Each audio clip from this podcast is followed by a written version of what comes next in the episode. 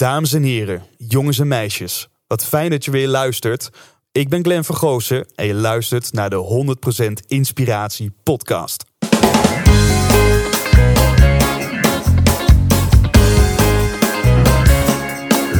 Hey, wat goed dat je luistert. Hij staat weer voor je klaar. Je wekelijkse dosis inspiratie is weer daar. De allerleukste gasten geven al hun kennis prijs. Met je veel te blije host, hij praat je bij. Zijn naam is Thijs. Thijs,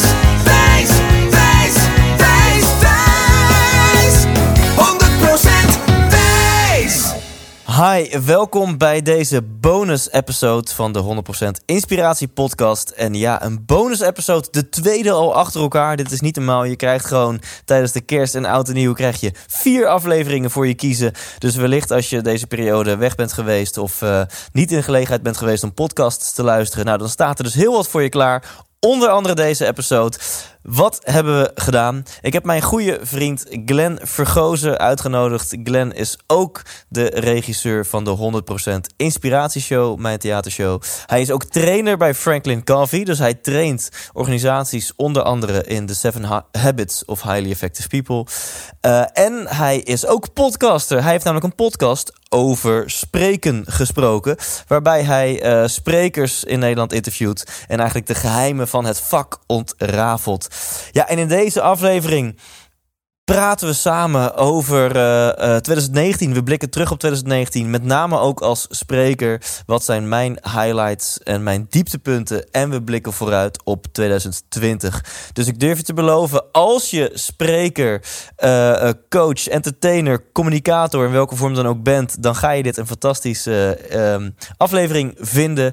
Uh, maar ik denk ook als je daar niets mee hebt, dat je het gewoon heel tof vindt om twee blije boys te horen die uh, um, zich interesseren in elkaar, zich kwetsbaar opstellen en plannen maken voor het komende jaar. En hopelijk gaat dat jou inspireren, want er komen gewoon een hele hoop praktische tips ook gewoon voorbij.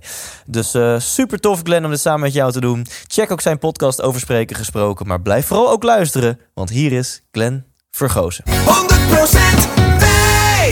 Laten we zeggen dat het interview gewoon al begonnen is. Of het gesprek. Thijs, Dit is hem. Fox. Oh, wat, wat fijn om jou hier te zien. Kosten nog moeite bespaard. Ja, ja, laten we daar even mee beginnen. laten we beginnen met een stukje promotie van toch zeker uh, 45 minuten uh, voor, uh, voor de setting hier. Ja. Want ehm, ja, als je dit hoort, eh, check het ook even op, op YouTube. Ja, dit moet je even op YouTube checken. We zitten hier in, de, in een prachtige kerststudio.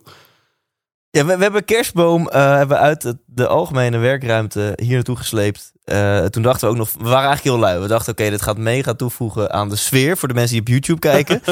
maar we dachten ook, ja, dit gaat toch zeker vijf minuten van ons leven kosten om die kerstboom hier te krijgen. Nou, dat, dat werden acht minuten. maar we hebben dan zelfs nog een kerstpingwin. De blije pingwin, dames en heren. Hebben we in de boom geplaatst. We hebben cadeautjes. Ik heb een cadeautje voor je meegenomen. Oh, wat lief. In de ja. ladder heb je die ook geplaatst. Ja, in ja. de ladder. Nee, um, nou, nu moet je zelf maar weten wat je met deze informatie doet. Maar serieus, check het even op YouTube. Want het ziet er wel... Want dit is online net na Oud en Nieuw waarschijnlijk. Net ja. na kerst. Maar om nog even in die kerstsfeer te blijven... Toch? Is het een aanrader om, om dit gewoon eventjes te checken. Thijs, en wat fijn dat je in het nieuwjaarsspecial zit. Ook van uh, mijn podcast. Ja. Wat, wat, wat, het, het, moest er natuurlijk echt een keer van komen. We zijn nu een jaar onderweg. En ik vind het uh, heel tof dat we, dat we nu gaan terugkijken... naar wat 2019 ons gebracht heeft. En wat 2020... Uh, ons gaat brengen. Ja, en moeten we dan misschien de luisteraar, of zit het hiervoor al in de intro, meenemen in, in waar wij elkaar van kennen? Ik denk dat we dat in het intro hebben ingesproken. Dat, ja? dat bedenken we nu ter plekke. Of, ja? of wil je. Wat, wat, wat, nou wil ja, je kwijt? Nou ja, jij uh, hebt mij natuurlijk ooit een keer een berichtje gestuurd van... hey gast, toffe podcast. En jij zei, de gelijkenissen tussen ons, die gaan wel net Ongekend. iets... Ja, die gaan te ver om daar niks mee te doen. Ja, dit was overigens volgens mij met aflevering drie. Dus ik ben uh, ingestapt Niet bij uh. De, in de eerste maand. Ja, ja. ja. En nou, even fast forward. We hebben elkaar daarna een keer bij Tony Robbins gezien. En toen uh, belde ik jou op. Een kleine twee jaar geleden. En ik zei, Glenn, uh, ik wil met knikkende knietjes... wil ik nu eigenlijk... Ik ben soort van uit mijn burn-out aan het komen. En ik heb een goede coach. En ik heb inmiddels wat volgers en wat, wat, wat following.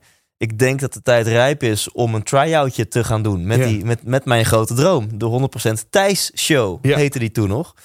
En toen vroeg ik aan jou, eh, want ik zei, ja, jij kent en de persoonlijke ontwikkelingswereld en je kent de theaterwereld vanuit je achtergrond. Ken jij misschien een goede regisseur? En toen, zei je, nou, misschien, misschien weet ik er wel eentje. En uh, nou ja, lang verhaal kort, uh, dat bleek natuurlijk zelf te zijn. En uh, dat weten misschien sommige van mijn volgers, want ik heb het er wel eens over. Dat jij de regisseur bent van inmiddels 100% Inspiratieshow. Mhm. Wat ook leuk verhaal is, een paar maanden later stuurde ik jou een berichtje. Hey Glenn, ik word binnenkort 30. Ik zoek nog een goede DJ. Ken jij misschien een goede DJ? en toen zei je, nou, ik weet misschien wel iemand. En dames en heren, Glenn Vergozen blijkt ook gewoon DJ te zijn. Uh, dus ik dacht, hoer, hè? U betaalt ja, en wij draaien. Ik dacht, ik durf niks meer aan jou te vragen. Als ik eens vraag, ken je nog een professioneel viewjapper? Dat je zegt, nou, ik ken nog wel iemand. Um, en um, nou ja, voor mij volgens vind ik ook leuk om jou te introduceren. Jij bent trainer bij, bij Stephen Covey.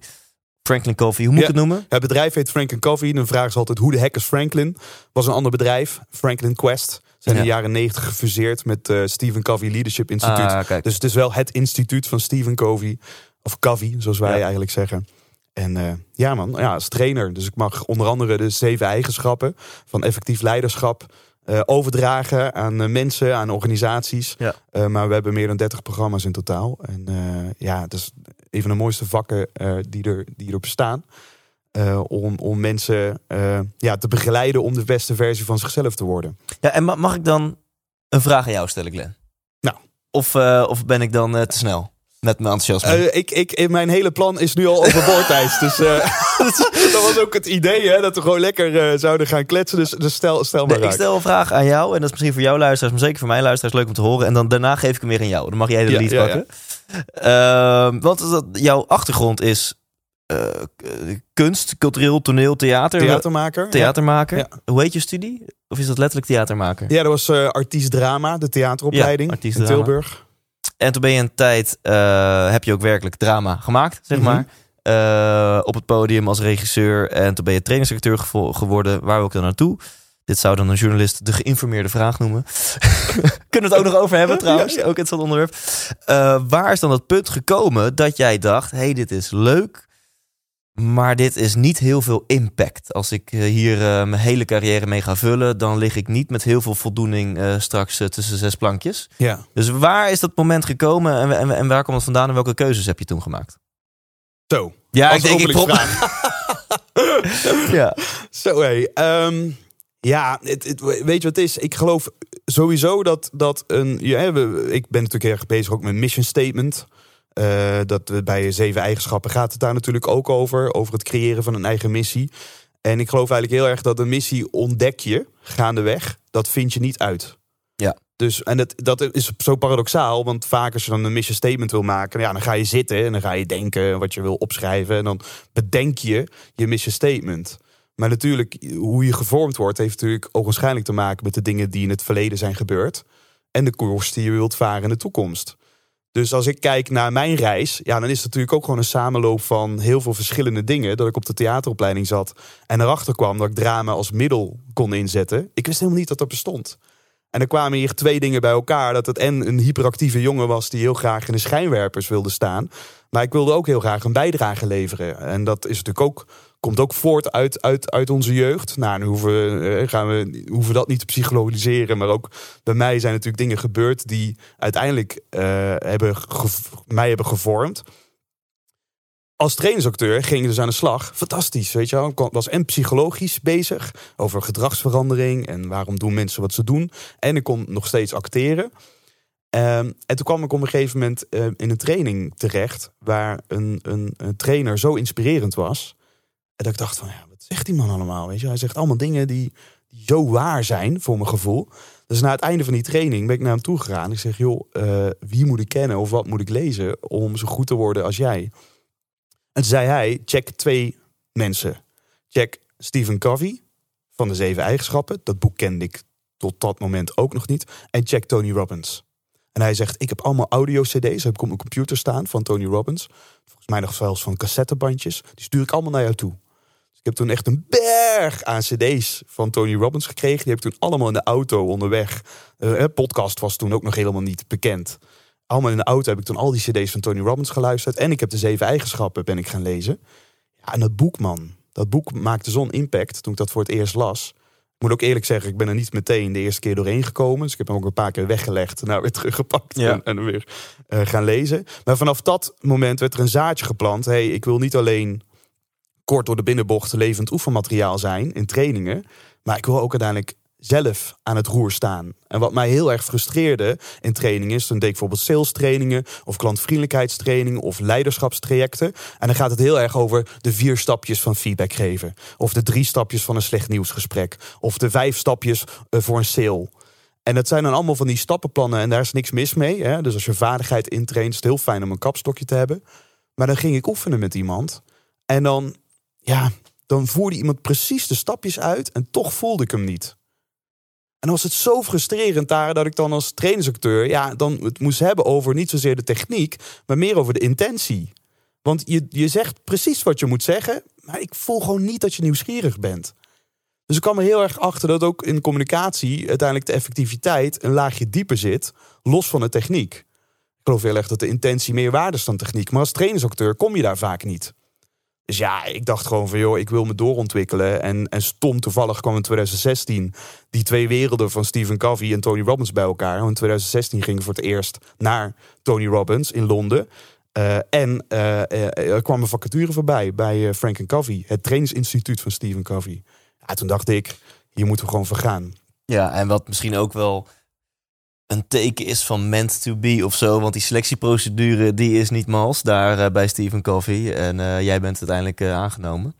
Dat is wel, ik weet nog wel dat jij me toen belde. Ja. Dat je echt zei van Thijs, dit gaat gewoon gebeuren. Dit ja, gaat dat gewoon was bizar. gebeuren. Ja, dat was ja. zo'n staatsproces van drie maanden. Het le- leek wel een soort talentenshow. Ja, En dat, dat moet ik overigens ook zeggen, hoe wij, wij, wij hebben elkaar in 2016 leren kennen.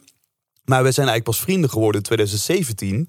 Toen we allebei met een gebroken hart Oh ja, dat, toevallig elkaar aan het appen waren. En dat ineens allebei eh, onze relaties wa- werden verbroken. Volgens mij was dat nog voordat ik jouw regisseur eh, werd. ja. Eigenlijk onze trigger dat we meer waren dan dat we alleen in hetzelfde wereldje elkaar soms tegenkwamen. Ja. Eh, voor mij is toen eigenlijk die vriendschap pas ontstaan. ja we zaten ergens, want ik woonde toen in Loosdrecht, waar ik was gaan wonen om een toenmalige relatie te redden. Ja. Nou, dat was niet gelukt. En dus ik woonde na een tijdje, nadat het uit was, in mijn eentje in het tro. In ieder geval, Loosdrecht is een mooi dorp. Maar als je in je eentje woont, eh, toen als 29-jarige vrijgezel, in the middle of fucking nowhere. Loosdrecht is niet een plek waar je toevallig langs rijdt. Daar moet je doelbewust Ja. naartoe rijden. En toen eh, heel impulsief waren aan het sms'en. En uiteindelijk die avond gingen wij ergens in een troosteloos Van der Valk. In het midden, Vianen of zo. Ja. eh, gingen wij toen wat biertjes doen. En toen zaten we allebei in ons liefdesverdriet. Ja. En eh, ik weet nog wel dat je... Ik zei, zei toen, oh Glenn, mijn mijn bedrijf gaat misschien wel failliet. Financieel, een, tot een half jaar geleden gaf ik mezelf altijd een 10 of een 11 op financieel gebied. En nu is eh, alles weg en mijn relatie is uit en ik zit in een halve burn-out. En jij zei toen met een glimlach op je gezicht... Dit is een goudmijn, Thijs. Dit is een goudmijn. En nou, het feit dat ik het nu kan navertellen... geeft wel aan dat, ik het, eh, dat het indruk op me heeft gemaakt. Hoe, hoe was dat toen, toen ik dat tegen jou zei? Want het, het was eigenlijk, eigenlijk misschien een- niet eens echt een hele empathische opmerking. Nee, was oké. Was, eh, want ik wist dat op dat moment kan je er ook niks mee, want je weet het cognitief, maar je gevoel zegt iets heel anders. Maar ik wist dat je gelijk had. Dus ik was het er ook mee eens. Ja, dus als ik dan een vraag terug mag stellen. Wij Ja, hebben ja. elkaar toen in die tijd leren kennen waarbij het eh, ja, niet heel goed met je ging. Toch? hè? Ja, Zakelijk, eh, eh, liefde op liefdesgebied. eh, je, je zat echt nog, ik kan nog echt goed herinneren dat die, ja, die stress die jij ervoor en de intensiviteit ook, hè, dat, dat, daardoor blokkeerde je ook. Nu, fast forward, zijn we drie jaar later. We stappen nu de eerste dagen van 2020 in. Je bent halverwege met je 12 provincietour. Ja. Thijs, hoe gaat het nu met je? Intens. Ik zit, ik zit, ik zit helemaal in mijn show. Eh, voor de mensen die bij mijn show zijn geweest, die begrijpen nu deze, deze inner eh, joke. Hoe zeg je dat? Inside joke. Ehm, maar ik denk dat het ook wel het beste antwoord is. Intens. Ik, ik voel me wel echt intens op mijn plek. Ik voel me ook intens vermoeid van eh, gewoon Ja? een, een, een, een drukke periode. En een, de afgelopen 355 dagen waren gewoon wel best wel druk. En dus ook, ik vind het een heerlijke periode. Die laatste tien dagen van het jaar. Zo Mhm. Even helemaal niks. En ook we besluiten een soort van collectief met elkaar dat de wereld even stilstaat. Dus je hebt ook even weinig mensen die iets van je verwachten. Ja. Dus dit komt ook wel eens geroepen. Ik voel ook wel echt de, de ontspanning, de parasympathicus echt inkikken. van oké, relaxed. Ah, ontspanning. Maar het gaat veel beter met me dan, eh, dan toen. En eh, eh, de, de problemen die ik heb zijn wel echt first world problems. Weet je wel. Ik, ik zou wat beter willen slapen. Eh, ik zou wel graag willen verhuizen. En ik zou natuurlijk graag weer liefde. In ieder geval, ik heb heel veel liefde, maar ik heb geen liefje. Ja. Ehm, maar op al die gebieden ehm, gaat het vele malen beter dan 2,5 jaar geleden. En als we het hebben over leef je missie, wat het ook mag betekenen. Ik wil er ook eerlijk in zijn dat ik vind het ook nog wel lastig. Mhm. hè. Soms denken mensen, oh Thijs, je hebt 100% je purpose gevonden. Dan denk ik, nou, zo rooskleurig is het echt niet. En ik hoop dat dat ook eerder juist inspirerend is door er heel eerlijk over te zijn. Hè? Ja. Dan, eh, dan eh, eh, Hoe, hoe zou je die nu omschrijven, je missie? Dat, dat, dat, dat, dat is wel leuk om met hè, echt een, een coffee trainer misschien over te hebben. Maar ik heb nooit een zin gehad waarbij ik in de fik sta. Dan denk ik, oh. Dus die ben benieuwd wat jij ervan vindt. Dus ik, ik zou geen zin kunnen opnoemen waarbij ik denk, dat is mijn missie. Maar het komt wel heel erg in de buurt bij mensen inspireren en entertainen. Wanneer ik, en dat klinkt dan even heel eh, plat, maar wanneer ik de lolbroek uit kan hangen op het podium. Dus echt sfeer kan maken, energie kan maken. En daarmee ook nog eens iets magisch kan creëren. Dat je niet alleen gewoon een leuke show neerzet, maar mensen worden geraakt. Mensen voelen weer dat ze mens zijn. Ja, dat, eh, ik, ik voel mezelf nu al opstijgen als ik het Ja. erover heb, weet je wel. En eh, dat was heel lang best frustrerend, want ik ook eens in mijn eigen zoektocht naar geluk. Nou ja, dat weten mensen doordat ze dit gesprek horen. Best wel wat worstelingen had. Word je ook wel wat onzeker over, ben ik dan wel een inspirator, weet je wel. Ja. Van mijn eigen leven een potje maak. En dat mijn eigen leven gaat beter en mijn carrière als inspirator-spreker gaat beter. En ik heb bijna alleen maar uitverkochte theatershows. Dus dat, dat stuk van mijn leven, dat klikt wel meer in elkaar dan het ooit in elkaar heeft, heeft geklikt. En dat voelt wel, zonder dat ik specifiek een missie kan formuleren, voelt het nu wel alsof ik op dit moment wel echt wel leef wat ik hoor te doen, zeg maar. Mooi. Ja. En, en dat- je zegt dat dus eerder gevoelsmatig dan dat het iets rationeels is. Ja, Dan? ja. En waar, en waar voel je dat dan? Dus, dus hoe, hoe, hoe check jij bij jezelf, hey, Wauw. Ja, eh, eh, fysiek in mijn buik. Hè? Ja. Dus ik voel, ik kan ook echt in mijn e-book heb ik het ook over in de fik staan. Omdat dat Ja. is, als ik in mijn passie, dat, dat is echt het Ik kan het niet anders formuleren dan in de fik staan. Als Ja. ik echt van die momenten heb dat ik 100% in tune ben met iets gaafs dat ik ga doen of iets waar ik zin in heb. Dan voel ik echt zo, gewoon alsof er eh, Super Saiyan 2 is, of er vlammen om me heen. en zijn, kapsel wordt ook blond op het podium. Zo gek. Ja, speciaal voor de Dragon Ball Z nerds. En en eh, ik denk dat flow wel een mooie omschrijving is.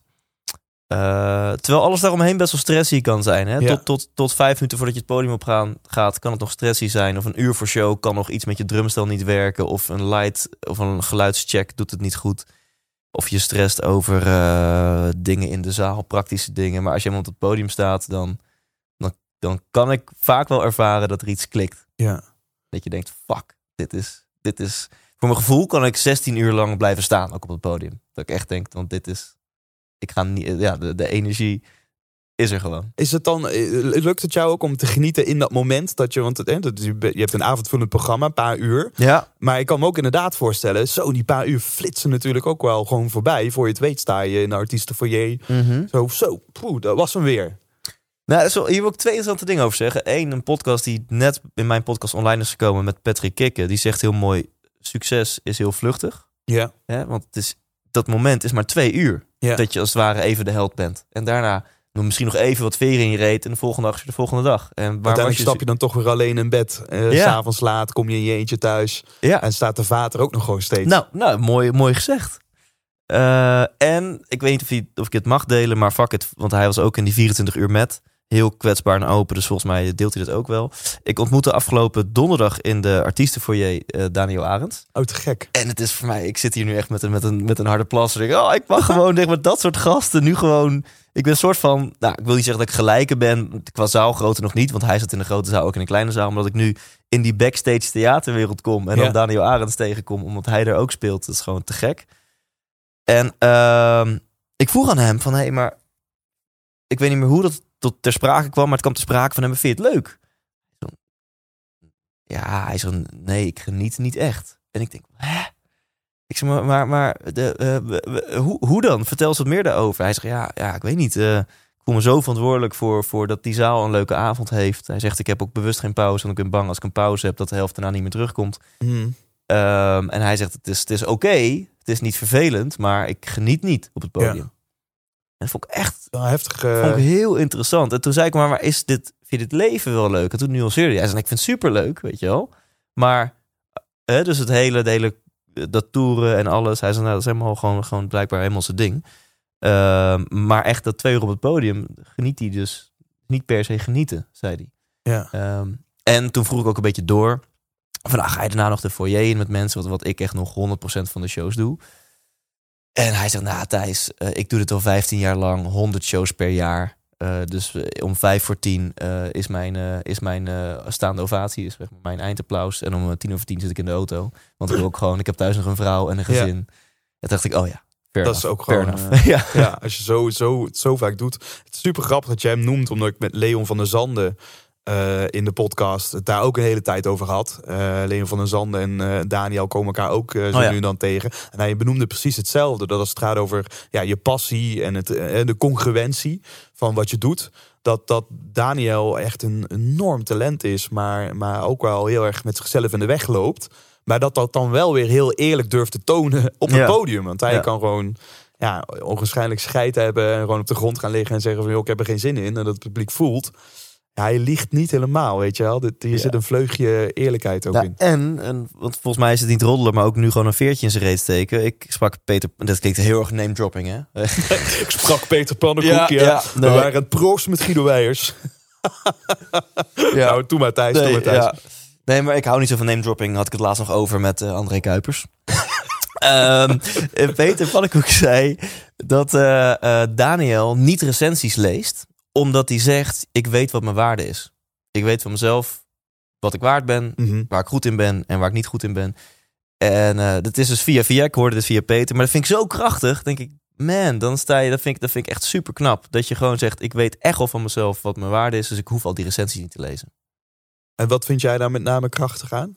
Nou, dat je dus één, niet op zoek bent naar de complimentjes. Maar twee, ook niet gevoelig bent voor de kritiek. Ja. Dat je dus heel dicht bij dat eigenlijk, dat je dicht bij jezelf houdt. Je bent in het leven volgens mij niet in competitie met anderen. Iedereen is, jou, is je compagnon. Je bent in competitie met jezelf. Je weet van jezelf wat je potentie is, eh, waar je meer uit kan halen en, eh, en, en wat je al volledig benut.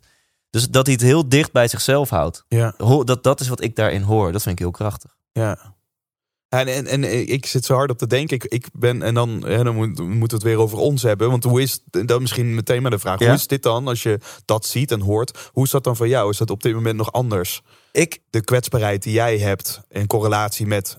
mogen ze me wel? Word ik wel gezien? Ja. Eh, eh, ben ik goed genoeg? Hè? Ja. Ik heb echt wel dit jaar mega sprongen gemaakt als, eh, ja, als inspirator, zeg maar. Omdat, omdat ik natuurlijk dat fucking onderwerp geluk heb. eh, is, er, is er een stemmetje wat ook telkens zegt... Ja, dan is jouw eigen leven... Hè, eh, je, je bent leidend voorwerp van je eigen, van je eigen topic. Ja. Hè? Je bent het grootste praktijkonderzoek van je eigen topic. Ehm, wat maakt dat er dus meteen een onzekerheid inkikt op het moment dat je zelf niet echt gelukkig bent of je zaakjes niet op Ja. orde hebt. Er zijn twee dingen gebeurd. Eén, dat ik dit jaar heel eerlijk ben geworden, zowel in mijn mailings die ik stuur naar de mensen die op mijn lijst staan, maar ook in mijn praatjes van jongens, ik ben geen geluksexpert. Mhm. Want ik merkte paradoxaal genoeg dat ik ongelukkig werd van die stempel. Op het moment dat ik uitgebreid ben gaan roepen, jongens, ik ben geluksonderzoeker. Wat jou gelukkig maakt, geen idee. Maar ik heb zelf heel veel onderzocht op dit gebied. En ik heb ontdekt dat er telkens drie thema's zijn die terugkomen in mijn zoektocht naar geluk. Ja. Wat ik wel durf te beloven, is dat jij deze drie thema's ook tegenkomt. Ja. 100% zeker. Of je er nou bewust mee bezig bent of niet bewust, maar in jouw zoektocht naar geluk spelen deze drie thema's gewoon een superbelangrijke rol. Ja. En vervolgens gaan dus mijn keynotes en mijn theatershow over die drie thema's. Waar ik jou ook nog steeds dankbaar voor ben. Hè, om eh, zeg maar als mijn regisseur me daarbij te helpen om dat, die kapstok zo duidelijk te krijgen. Ehm, maar sinds ik daar heel eerlijk over ben. En dus daarmee ook eerlijk ben over... jongens, ik ben echt niet altijd gelukkig. Ik word niet elke dag blij wakker. Ik, weet je wel? eh, ik ben niet de gelukkigste van Nederland. Waarschijnlijk niet de gelukkigste van mijn straat. Maar ik durf wel te beloven dat ik veel van het onderwerp af weet. En, en jou wat, wat, wat tips kan geven voor jouw persoonlijke zoektocht naar geluk.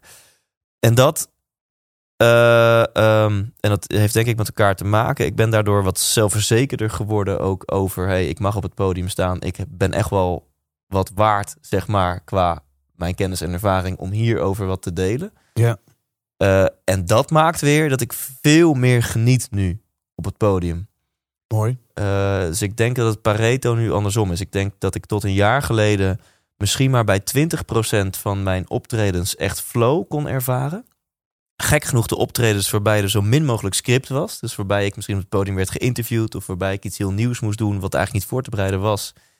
En dan kon ik flow ervaren en bij 80% van de optredens, zeker voor het bedrijfsleven, dat ik toch nog wel het podium opging met de gedachte van gaan mensen dit wel leuk vinden? Ben ik dus wel goed genoeg? Gaat dit wel een, een energiek en inspirerend half uurtje, drie kwartier uurtje worden? Ja. En nu is het echt andersom. Nu 80% van, zelfs mijn tour trouwens, zelfs mijn vorige theatershows, ging ik nog wel hoofdzakelijk het podium op met de gedachte: gaan mensen dit wel leuk vinden? Ja. En het, nu benoem ik het zo, maar dat is pas met terugwerkende kracht, zeg maar, besef ik me van fuck. Dat was, dat was wel de overheersende gedachte. Je voelt nu pas het verschil tussen deze tour en, en die vorige tour. Ja, want nu, dat jij was in Groningen erbij. Groningen is extra spannend, was de eerste. En natuurlijk, we zijn gewoon matties en, en we, we houden onvoorwaardelijk van elkaar. Maar toch, omdat jij dan in de zaal zit, hè, wil je toch ook gewoon laten zien dat, dat, dat je goed bent of zo. Uh, maar dat was een heel mooi voorbeeld. Dat was echt een show waarbij ik gewoon het podium opliep met de overtuiging: hé hey mensen, ik vind dit echt een hele leuke show. Ik ben echt heel trots op dit programma. Ik vind dat er toffe dingen in zitten en ik heb gewoon zin om dit met jou te delen. En, en, en dan merk ik gewoon vanaf de eerste minuut kon ik daar ook alles van af laten glijden. En, en, en gewoon twee uur lang lol maken. En het was een super leuke avond. Wat ik mooi vind wat je nu zegt, is je gebruikt nu andere woorden dan, dan een paar minuten geleden. Wat je zei zojuist, ik, ik weet wat ik waard ben. Ja. En nu zeg je, hey, ik kom het podium oplopen en ik voel zoveel plezier en ik voel zoveel energie omdat ik, omdat ik iets, heel, iets waar ik heel enthousiast over ben, mag ik nu met jullie gaan delen. Voel je het verschil ertussen? Ja, Tussen de waarden en, en jezelf opboksen tegen die waarden. Of gewoon weg, ja, Het gewoon, gewoon al passie en, en flow, zoals jij dat noemt, voelen. En vanuit daar die connectie met de zaal gaan maken. Ja, en dat was echt ook terug te zien in Groningen. Het was gewoon uh, het, ik vind het super interessant om jouw reis ook te zien. En, dat, en, en hey, ik ben vorig jaar met de Over Spreken gesproken podcast een vergelijkbare reis ja. ingegaan. Wat jij hebt over eh, geluk en succes. Over hey, wat maakt nou dat. Wat is nou het onderscheidend vermogen van, van een goede spreker? En, en een van de dingen die zo enorm belangrijk is voor wanneer dat je uh, interactie hebt met anderen, is, is je vermogen om te ontspannen. Maar ja, mensen zeggen niet voor niks. Op een podium staan is een van de meest enge dingen die er zijn. Want eigenlijk de drie grootste angsten die mensen hebben, die ploppen alle drie op wanneer dat je op, op zo'n eh, vloer staat. En het vermogen om dat dan, om daar, om daar oké mee te zijn, pas dan ontstaat volgens mij ontspanning. En ik zag een ontspannen Thijs, die in het hier en nu gewoon genoot en ook niet helemaal uit balans ging toen iemand op een gegeven moment uit de zaal liep. Volgens mij omdat iemand gewoon naar de wc moest, weet je wel. Maar dat dat, ja, het is gewoon oké. Geef niks, mag best. En dan gaan we door. Ja, ja, precies dat. Ontspanning is ook wel dat is denk ik het belangrijkste. Van onze vriendin Percelle van Goetem leren we natuurlijk dat je in ontspannen staat ben je ook het meest overtuigend. Ja. En vinden mensen het leukst om met je te hangen. Ja. Willen mensen het liefste naar je luisteren. Ehm, en dat is, dat is natuurlijk heel moeilijk om daar te komen. Maar ik, uh, die show, uh, en gelukkig de meeste van mijn shows lukt dat nu om gewoon ontspannen te zijn. Dus voor je, dan ben je een leuke mens voor jezelf en een leuke mens voor anderen. Ja, pas dan kun je eigenlijk pas genieten, kan ik me voorstellen ja. ook. Echt, echt ja. genieten. Ja, ja, absoluut. Je zit elkaar nu glazig aan te kijken. Van wie gaat iemand nu de volgende vraag stellen? Nou ja, dan, nee, dan wil ik hem ook bij jou neerleggen. Hoe is dat voor jou? Uh, uh, bij hoeveel procent van de gevallen? Of hoe, hoe, hoe zit bij jou die verhouding tussen presteren, zeg maar? En ik moet nu deze groep meekrijgen. Want jij geeft echt trainingen hè, van een dag, soms wel meerdere dagen. Ja. Dus, dus hoe, hoe zit bij jou de verhouding tussen... tussen gewoon ontspannen en, en erop vertrouwen versus uh, ja, gewoon ook wel werken en het gevoel dat je zelf moet bewijzen. Ja, ja dat, dat, dat blijft een spanningsveld. Uh, en wat ik ook wel, wat ik, ik schiet nu weer in mijn hoofd, dat wilde ik net zeggen, uh, over of er, er zijn of niet. Weet je wel, zeker omdat jij zei van ja, ik ben een geluksonderzoeker nu. Eh, geen geluksexpert, want dat suggereert. Hè, dus, dus al zo'n zwaarte dat, je, Ja. dat alles goed moet zijn. Maar het is grappig, toen Stephen Covey nog leefde, vroegen we aan hem van... joh, je hebt die zeven eigenschappen geschreven. Hoe goed zou jij jezelf eh, beoordelen? Eh, en hij zei van, nou ja, weet je wel, een gemiddelde dag een zes, een zeven, als het, als het een beetje lekker gaat. Dus hij zei ook van, joh, ook voor mij is dit een voortdurend proces. Het model heet niet voor niks een groeicontinuum. Ja. En alle echt belangrijke dingen in het leven kosten tijd. Eh, als je een, een, een huwelijk kun je niet winnen. Ja. Misschien hebben soms wel mensen het gevoel dat ze het hebben uitgespeeld. Dat is een ander verhaal. Eh, maar als je een duurzame huwelijk hebt, dan, dan moet je in blijven investeren. Ja. Een gezond lichaam is niet dat je dat kan afchecken. Ja. Een tuin, ja, ik kan een prachtige tuin hebben. Ik doe er een jaar niks aan en ik kan heel die tuin eh, eruit trekken. Ja. En ik geloof dus dat als het gaat over onze expertstatus, ja, dat is geen vaststaand iets. Dat is, dat is dus onze ontwikkeling staat gelijk aan de expertstatus die we hebben. En zodra iemand een monopolie heeft op de waarheid, ben ik uitgeluisterd. Want dan ontstaat er dus geen verwondering meer. Dan is er dus geen verbinding. Dan is er dus geen uitwisseling meer. Nou, dan wordt het een vaststaand iets. En dat vind ik ook het mooie verschil tussen spiritualiteit en, en religie. Een heel ander, ander verhaal natuurlijk. Maar een religie geeft vooral antwoorden. En spiritualiteit stelt vooral vragen. En dan denk ik, ja, die antwoorden zijn ook heel fijn. Maar ik vind het gewoon interessanter om vragen te krijgen. En dan introspectie te moeten doen. Van hoe zit het eigenlijk met mij? Ja. En vanuit daar is dus, als je dus geluksexpert bent, is dus het allereerste stap als expert is erkennen dat het een continue reis is. Want als iemand gaat staan, de goeroe die zegt van nou, ik weet het allemaal wel. Ja, ik weet, ja dan denk ik nou, eh, wat is, is dit nou het ego wat spreekt? Ja, want, want je hoeft geen naam en toename te noemen. Maar, maar, maar vind jij dat er, dat er, dat er inspirators, sprekers zijn die, die iets te veel prediken van hé, hey, ik heb de waarheid in pacht. En als je deze stappen zet, dan word je gelukkiger en succesvoller. Nou, en dat is dus leuk dat je hier naar refereert. Want als ik één rode draad trek afgelopen jaar met. En ik weet niet hoe. Je hebt inmiddels ook meer dan 150 mensen voor je neus gehad. eh, voor Ja. de podcast. Als ik één rode draad trek naar de mensen die. Die echt goed zijn en die ik ook eigenlijk nog beter ben gaan vinden doordat ik ze heb mogen ontmoeten, is dat wel de likability. eh, de, en er waren een aantal hadden het ook niet, maar de, de mensen waar ik echt op resoneerde, die zagen mij of lieten mij een gevoel hebben van gelijkwaardigheid. hey, we spaggen nu als, als, als delers. We hebben een mindset in overvloed in plaats van dat we elkaar zien als concurrent. Ja. Weet je wel? Ja. En juist dat zorgt ervoor dat ik helemaal open sta om van hun te willen leren. En dat ik ook nu achteraf, als ik kijk naar Jos Burgers. Ja, man, weet je wel, ik was al fan van hem. En toen ging ik naar hem toe in eh, Oosterwijk. En ik, ik ging nog als een grotere fan weg. Omdat die man zo onvoorwaardelijk deelt. En gewoon eh, royaal met zijn tijd omgaat. En ik voortdurend zei van, joh, ik wil niet te veel van je tijd snoepen, weet je wel. Ik, eh, tijdens ons kostbaarste Mhm. bezit. Hij zegt, nee, wacht maar met die podcast. Kom, we gaan eerst koffie drinken bij mij op kantoor. En voor je het wist zaten we de uren zaten we gewoon te kletsen met elkaar... zonder dat de microfoons aanstonden. Ja. en dan denk ik van, terwijl het hij ook tegelijkertijd zegt... ik moet ook goed voor mezelf zorgen. Dus ik, ik deel onvoorwaardelijk, ik doe ook veel van niks. Maar ik hoef dan daarna niet te horen hoe het met je gaat. Oh ja. Want als iedereen dat doet, ja, dan, dan, dan wordt het voor mij werk. Want dan blijft het Oh, een dat, soort dat, van- dat zegt Jos. dat zegt Jos ook. Ja. Van, ik help heel veel ondernemers. Soms voor niks. Maar dan zeggen ze, ja, ik laat wel weten hoe het, eh, hoe het is gegaan. En dan zegt hij, nee, nee, doe maar niet. Ja. Ik deed dit met alle Ja. liefde en compassie. En om het dan een win-win te houden, is het fijn als ik, als, als ik niet dan na al die contacten daar weer voortdurend op terug moet Ik vind komen. het zo krachtig. Want en dan, dit- ja, Want, want je moet het lijntje doorknippen energetisch. Dus eh, Ja. als, je, als je elke dag een, een fan of een bewonderaar of een mede eh, eh, ontmoet en een goede gesprek mee hebt. En, en er komt na elk gesprek een lijntje van hey, ik stuur je boek nog toe. Of ik laat je nog weten hoe het morgen is gegaan. Of dan, dan, dan op onbewust. Ik, ik geloof er heilig in dat op energetisch niveau dat je al onderbewuste al die energielijntjes nog dan in contact houdt. ja, En dat vind ik super krachtig dat hij dus. En nou, de goedheid zelf is gewoon onwijs open staat. Zichzelf echt niet toffer vindt dan hij is. Sterker nog, je zou bijna soms denken: hé hey Jos, ben je jezelf er wel van bewust dat je de best verkopende managementboek eh, schrijver van Nederland al decennia lang bent? daar zit dus een correlatie in, toch? Ja, hè, dus hij is heel bescheiden, heel relaxed en wel heel duidelijk ook in zijn grenzen eh, aangeven. En Guido heeft ook in zijn podcast, de Vodgast, zoiets wel eens gezegd. Ja. Dat, want die gaat dus, die doet ook 100 shows plus per jaar, of 15 jaar lang, net als Daniel is. Maar Guido gaat wel de foyer in. En dat is Mhm. niet goed of slecht, maar dat het gewoon persoonlijk Keuze. dus is. Een Ja. keuze. Maar hij zegt dan in een van die podcasten afleveringen van ja, ehm, maar als er mensen naar me toe komen, bijvoorbeeld een masterclass geluk of zo, oh ja, en mijn nichtje heeft het ook gehoord en ze is terminaal ziek. Dan heeft zoiets van nee, eh, niet. Doe maar even, weet je wel. Want dan krijg je, en dat klinkt nu even heel hard, maar anders krijg je elke avond van die hele zware dingen die weer op jouw schouders rusten. En wil je een filmpje voor haar opnemen? Dat is dan vaak de vraag. Of wil je een boodschap voor...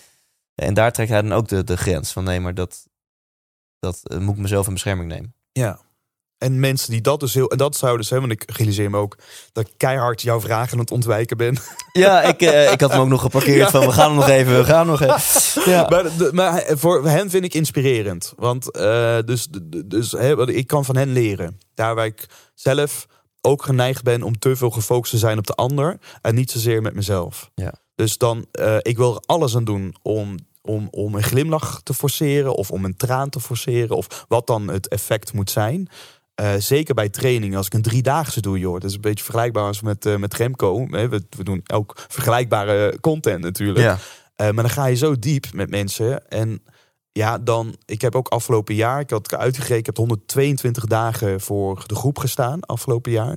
Ja, is gigantisch. Ook vorig jaar meer dan 100 dagen. En jij, hebt- jij hebt het ook echt over dagen dan, hè? ja, Wanneer dagen, ik het- hele dagen. Ik denk dat ik tussen de nou, 60 en, en, en, en 80 podiummomenten per jaar heb. Maar dan heb ik het over een podiummoment. Dat is van 15 minuten tot maximaal 2 uur.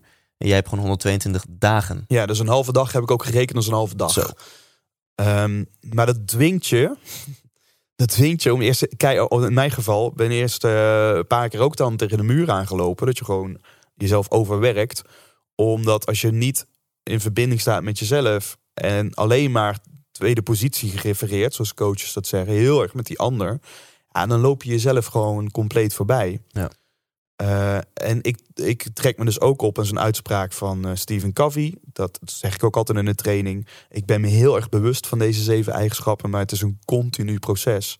Het feit dat ik die podcast heb over spreken gesproken, het feit dat ik jou regisseer als, als spreker, wil niet zeggen dat ik de beste spreker ben. Absoluut niet. De reden dat ik juist dat onderzoek aan ben gegaan, is omdat ik het ook doodeng vind om dat podium op te lopen. En dat ik ook merk dat ik in mijn hoofd schiet en dat ik ga ratelen. Weet je wel, dat, je, dat ik niet echt ontspannen ben.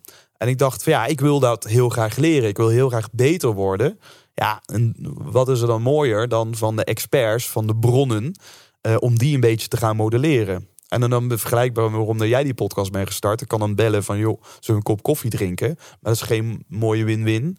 Eh, maar als ik zeg, ik heb een, professionele podcast en eh, laten we het daarna ook delen, want dat delen is van menigvuldigen. Ja. ja, dan ontstaat er iets heel moois, want dan leer ik er heel erg van. Ik heb afgelopen jaar, is dit mijn opleiding geweest.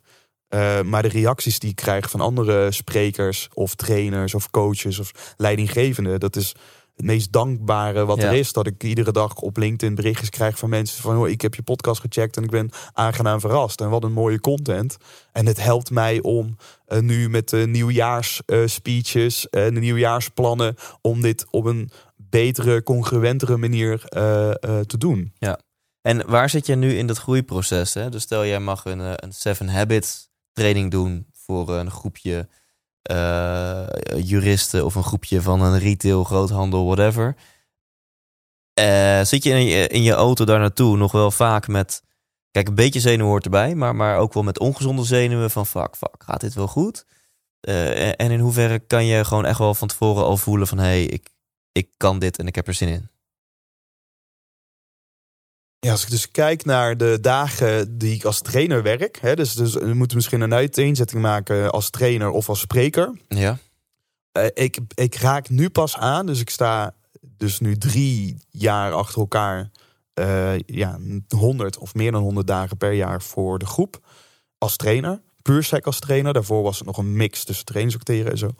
Ja, dan voel ik nu pas dat ik met volledige ontspanning kan zitten. Kon eerst ook niks zeggen, weet je wel, die stilte la- laten werken, contact maken en dan letterlijk met elkaar op reis te gaan. Dat, maar dan over hoeveel duizend uren. eh, en dat is natuurlijk een beetje altijd een dooddoener. te zeggen heel veel eh, gasten uit de podcast ook. Van ja, wat is de beste tip? Kilometers maken. Gewoon meer doen. Ja. Maar dat merk jij bij jezelf ook. Dat zeg je ook net hè. Met die tweede tour. Met hoeveel meer ontspanning je nu al Ja. op dat podium staat dan die eerste tour. Ehm, dus mijn leerreis gaat hem zijn in dat, wat ik dus heel moeilijk vind nu nog, is in de training heb ik gewoon de tijd. Ik heb gewoon de tijd om Ja. met mensen op reis te gaan. Ja. Ik heb een tijd om die connect te maken. Ik heb een tijd om mensen vooral ook met elkaar te laten werken. Want als trainer ben ik vooral natuurlijk facilitator. Ehm, en waar, wat ik nog wel een spannende vind, is wanneer ik nu spreek en ik moet dan ineens die 30 uur afpellen tot 20 minuten of, of 45 minuten. Dat vind ik verschrikkelijk lastig. Dat vind ik echt een moeilijk. En wat ik dan merk, is dat dan de artiest in mij naar boven komt. En dat ik weer, dat ik echt ga spelen. Dus dat die theatermaker Ja. oplopt. En dan zou je kunnen zeggen, ja, wat is daar mis mee?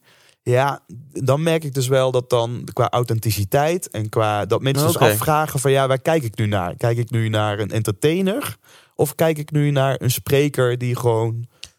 eh, Ja, maar ik ben wel van mening, kijk, als je 30 uur de tijd hebt of je hebt 4 uur de tijd, dan zit je in een training. Ja. En dan hou je het niet vol als je de lolboek uit gaat hangen.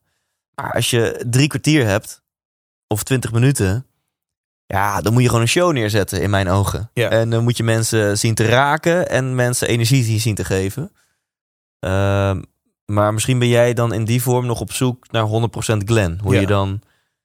eh, want ik word natuurlijk, denk ik, meer dan jij geboekt om Thijs Lindhout. En dat ik iets me ook vrijer voel van, nou, ik, dan deel ik gewoon mijn visie en Ja. mijn persoonlijke ervaring. En jij wordt misschien nog iets meer geboekt als dit is een van de hoofdtrainers van Stephen Covey.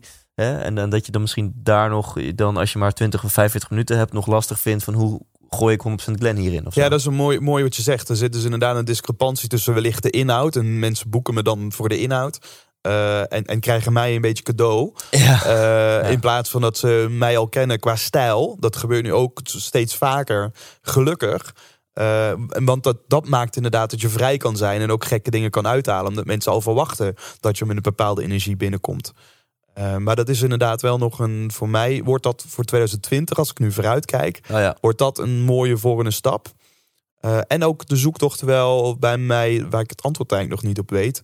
Wil ik me echt puur sec focussen op het regisseren van andere sprekers. Want ik geniet heel erg om nou, mensen zoals jij dan te helpen. En je daarna te zien shine als een motherfucker. Weet je wel, dat vind ik echt. Ja. daar ben ik super trots op de prestaties die je zelf hebt gedaan. En dat ik enkel daar aan de zijlijn een, ja, een, een, een aandeel in heb mogen hebben. Of, of wil ik zelf ook nog heel even. Voel dat podium lonkt op een of andere manier.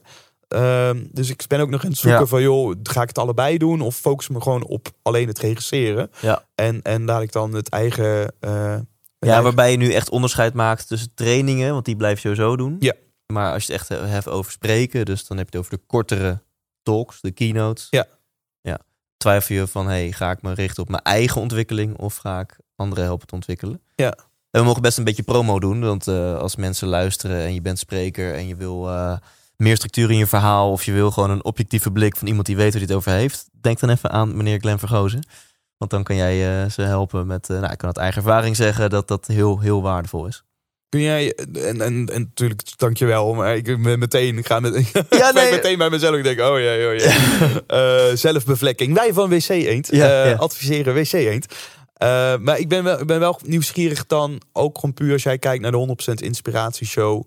Ehm, ja, wat, wat, wat is los van of ik eh, als regisseur of een andere regisseur, maar wat is het belang van het hebben van een regisseur als spreker? Want ik kan me voorstellen, in de theaterwereld is er geen, er is geen toneelstuk zonder regisseur. Mhm. Er is geen orkest zonder dirigent. Eh, er is geen cabaretier zonder. eh, dus, dus daar is het ogenschijnlijk heel normaal dat er overal een, een regisseur is. In de sprekerswereld volgens mij helemaal niet. Eh, dus, dus kun jij wat delen over wat dat heeft opgeleverd? Volgens mij heb, ik het hier eerder met je over gehad. En toen noemde ik drie dingen. En ik merk dat nu in elk geval twee van die drie nog weet. En misschien ook al pratende op die derde kom. Hè, maar wat is toegevoegde waarde van een regisseur? Drie dingen. Eén, eh, dat is de makkelijkste. Gewoon de, de chirurgische ingreepjes. Hè, dus dat kan theatraal zijn van... hey, je hebt het nu over... je vertelt een verhaal over je, over je ex-vriendin... en je kijkt naar de grond. Lag ze in bed? Of, of is het een dwerg, eh, je ex-vriendin? Je? Nee, nou, kijk dan gewoon op, op, op normale hoogte, want dat, dat is dan, dan past je non-verbale beter bij het verhaal. Of ik ga in mijn show op de grond liggen en jij zei, hey, waarom ga je met je voeten richting de zaal liggen? Je kan veel beter overdwars liggen. En nou, chirurgische ingrepen, gewoon kleine dingen die je verhaal een stuk beter maken, omdat het gewoon net even iets beter overkomt. Twee, dat is een hele belangrijke structuur. Uh, want je zit er zelf, je kan de beste spreker ter wereld zijn, maar je zit er zelf middenin. Dus je kan zelf moeilijk objectief zien um, uh, wat, wat de juiste structuur uh, van je verhaal is, wat nog beter kan. Ja, pak drie, weet jij hem nog?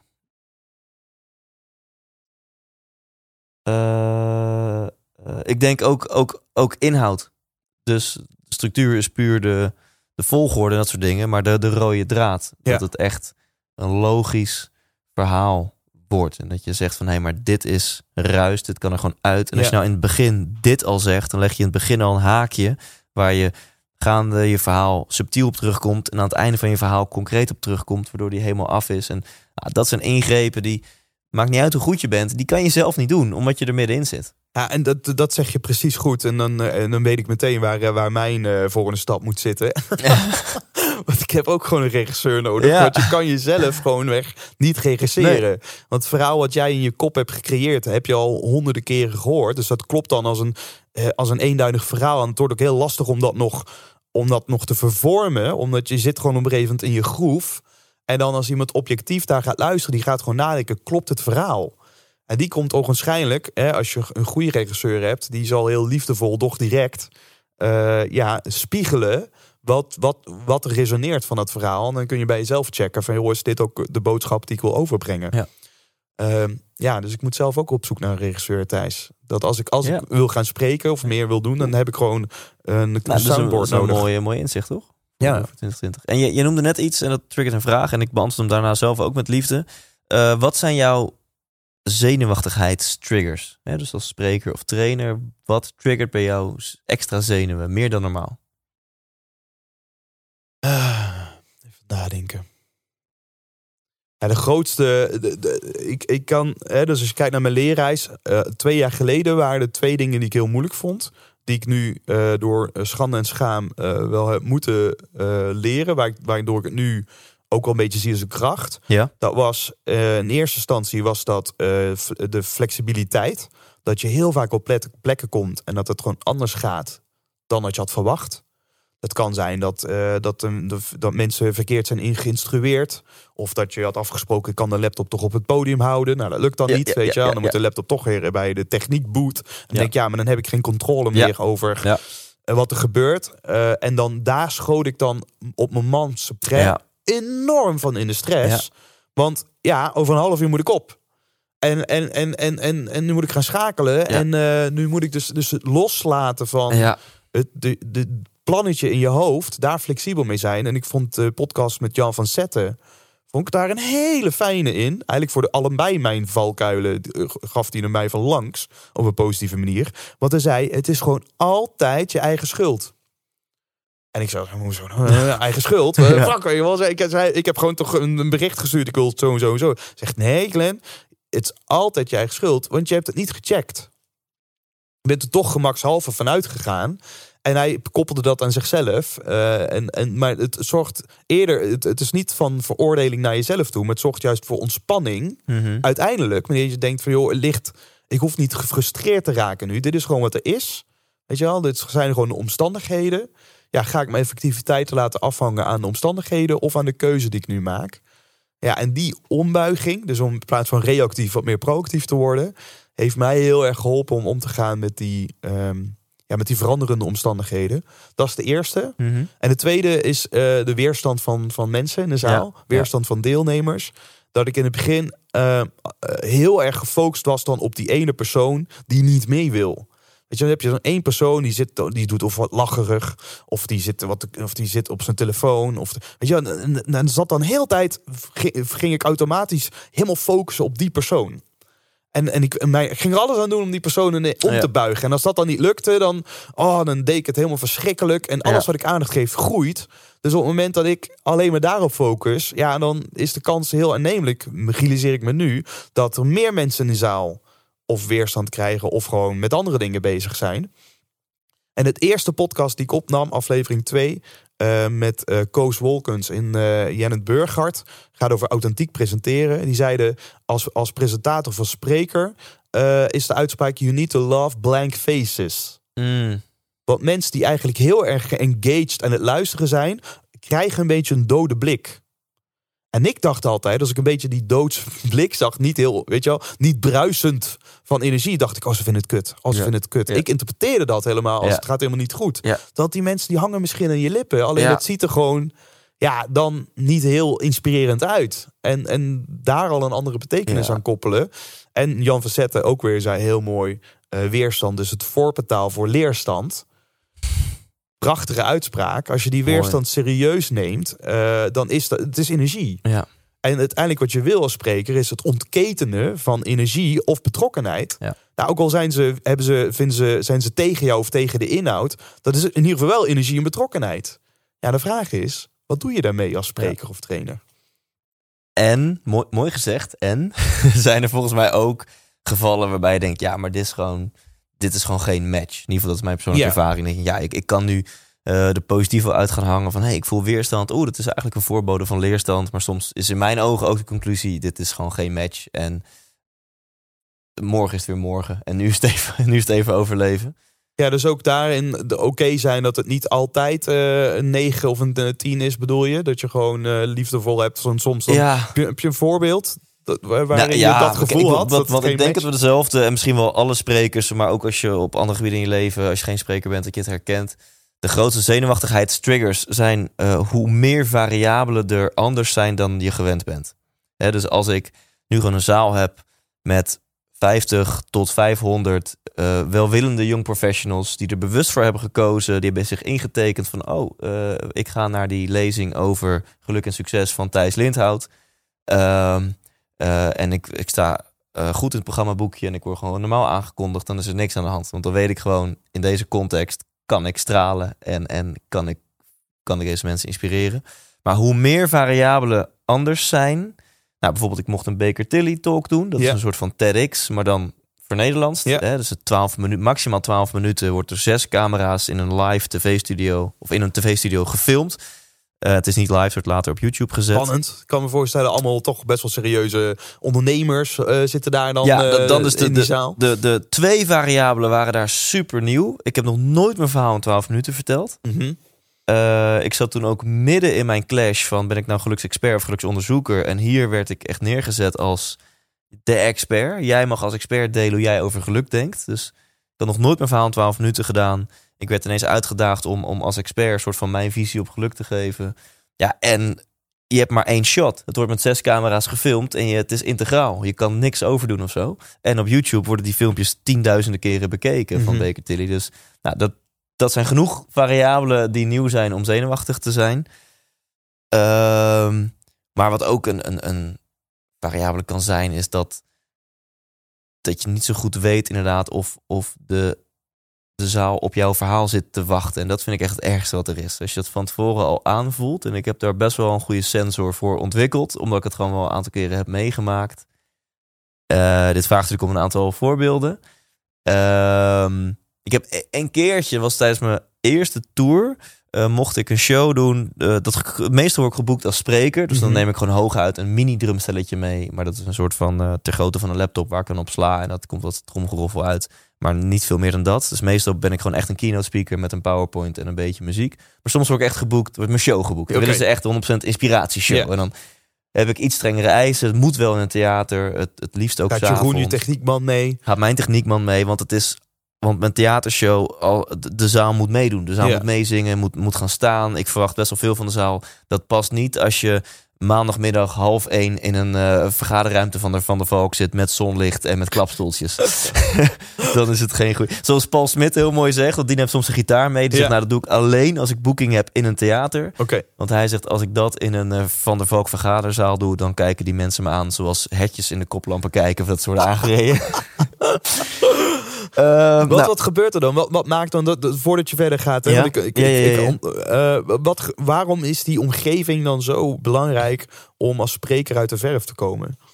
Ja, ook Jim Jeffries zegt bijvoorbeeld ook heel mooi. Een, het enige verschil tussen een dronken maloot die grappig probeert te zijn en een comedian is een microfoon. Want dat, dat vertelt hij een verhaal waarbij hij op de verjaardag van Mariah Carey mag hij dan wat en dan heeft hij niet eens een microfoon. Dan staat hij daar gewoon zo te lullen en dat, is, dat komt wel heel anders over. Ehm, ehm, mm, dus ja, als je niet in een theatrale setting bent, hè, dus, dus je zit gewoon in een maandagmiddag lunch, after lunch dip, kopje koffie, gewoon zonlicht met je collega's, dan zit je niet in de vibe van hè, context beïnvloedt je zo erg. Dan zit je gewoon niet in de context van hey, nu ga ik eens eventjes meeklappen en meezingen met liedjes. Of ehm, het heeft te maken met framing enerzijds. Dus hoe, hoe wordt zo'n presentatie geframed van tevoren. Ja. Maar ook gewoon de verwachtingen die mensen op dat moment hebben. Uh, Daar waarin een theater wel al natuurlijk qua verwachting suggereert dat er theatrale dingen gebeuren. In het theater vind je het heel normaal dat op het podium dat daar gekke dingen gebeuren. En dan ben je ook sneller geneigd om het grappig te vinden en mee, erin mee te gaan. Je bent ook anoniem in een theater. Ja. Meestal grotere zalen en er staat geen lamp op jou. En gewoon met TL-licht in een, in een Van der Valk vergaderzaal. In een U-vorm. In een U-vorm, ja, weet je, dan, dan uh, is er geen enkele uh, subliminal messaging, is er geen enkel onderbewust uh, commando naar jouw brein van hey, hier ga ik eens even lekker uit mijn panty en, en meedansen en meezingen. Terug dus, naar jouw terug verhaal. Dus er was een bedrijf dat wilde, ze zouden ook een theaterzaal boeken. Het was s'avonds, mensen zouden zelf zo'n wijntje op hebben. Dus ik denk, nou, dit is top, Ja. dit durf ik aan, is goed, dan doen we de 100% inspiratieshow. Nou ja, en, en eh, ik, een heel klein theatertje, 50 stoelen of zo. En ik kom daar op. Je ziet geen reet. Dat is wel grappig. Dat Ook voor mensen die geen spreker zijn. In theater zie je niks. En de grap is, hoe kleiner het theater, hoe minder je ziet. Want in een theater met 300 stoelen en plus... eh, hangen de lampen wat verder weg. En kan je nog net rij 1, 2, 3 een beetje zien. In theaters tot 150 stoelen staan die lampen zo dichtbij... dat je letterlijk niks ziet. Alsof je gewoon in een zwarte box kijkt. Mhm. En ik kom op en ik voelde het al. Eerst hoorde ik nog niks, maar ik voelde... deze 50 mensen zitten niet op een inspiratieshow te wachten. Nou ja, en dan kan je zeggen, dat is een self-fulfilling prophecy... maar ik denk dat ik het gewoon goed aanvoelde binnen twee, drie minuten. Ik was gewoon bezig met mezelf introduceren... want hey, mensen, waarschijnlijk kennen jullie, de meeste van jullie mij niet. Ik ben Thijs Lindhout en ik heb heel veel onderzocht over geluk... En ik wil jullie vanavond meenemen in drie thema's die ook een hele belangrijke rol spelen in jouw persoonlijke zoektocht naar geluk. Dus misschien is het leuk om uh, vanavond gewoon uh, op te letten. We gaan sowieso een uh, leuke avond beleven. Maar ik hoop ook dat je komend uur wat interessante dingen gaat leren over Ja. je eigen. Nou, in principe niet een intro waar je heel veel weerstand. Ook geen traantrekkende intro van oh wat mooi, maar gewoon even journalistiek. Dit is wat we gaan doen. Ja. Dan weten we even wat de Duidelijk context is. Alle beta-mannen ontspannen. Ja, en, en ik hoor achter in die zaal, ja, gewoon, word ik gewoon uitgelachen. In ieder geval, dat was mijn betekenis. Ik hoorde, echt zo twee, drie vrouwen gewoon. En, en dat was, dit was dus niet een kick waarbij ik helemaal ontspannen op het podium stond. En eh, dus in het begin negeerde ik het maar. En na een tijdje kolde ik het wel van, oeh, mevrouw erachterin. eh jullie, of, of eh, vrouw erachterin, jullie hebben het volgens mij al wel heel erg naar je zin, of niet? En je ziet dus gereed, dus je zegt dit gewoon in een zwart gat. En wat krijg ik terug? Ja, vind je het gek? En Oh, we beginnen nog. Oh. Oh, dus Neem ons mee, wat gebeurde er mijn betekenis is, ik word fucking uitgelachen. En van, ja, vind je het gek? Wat, wat, wat sta je daar emulatorbandachtig te doen? Dat, dat is wat je in Ja. je hoofd ervan maakt. Weet Ja. hoor, en ik moet nog 55 minuten. En ja, ik, ik was zo van apropos. Ik ben maar gewoon doorgegaan met mijn verhaal. En na een tijdje werd het zo heftig dat een vrouw op rij 2, die het wel naar de zin had, het opnam voor mij. En begon gewoon te schreeuwen naar achter. hey, dames daar achter in de zaal, dit vind ik echt respectloos. En ik wil graag horen wat Thijs te zeggen heeft. Is fijn dat het voor me wordt opgenomen, maar het geeft wel aan hoe extreem de situatie Ja. is. Dat iemand uit de zaal.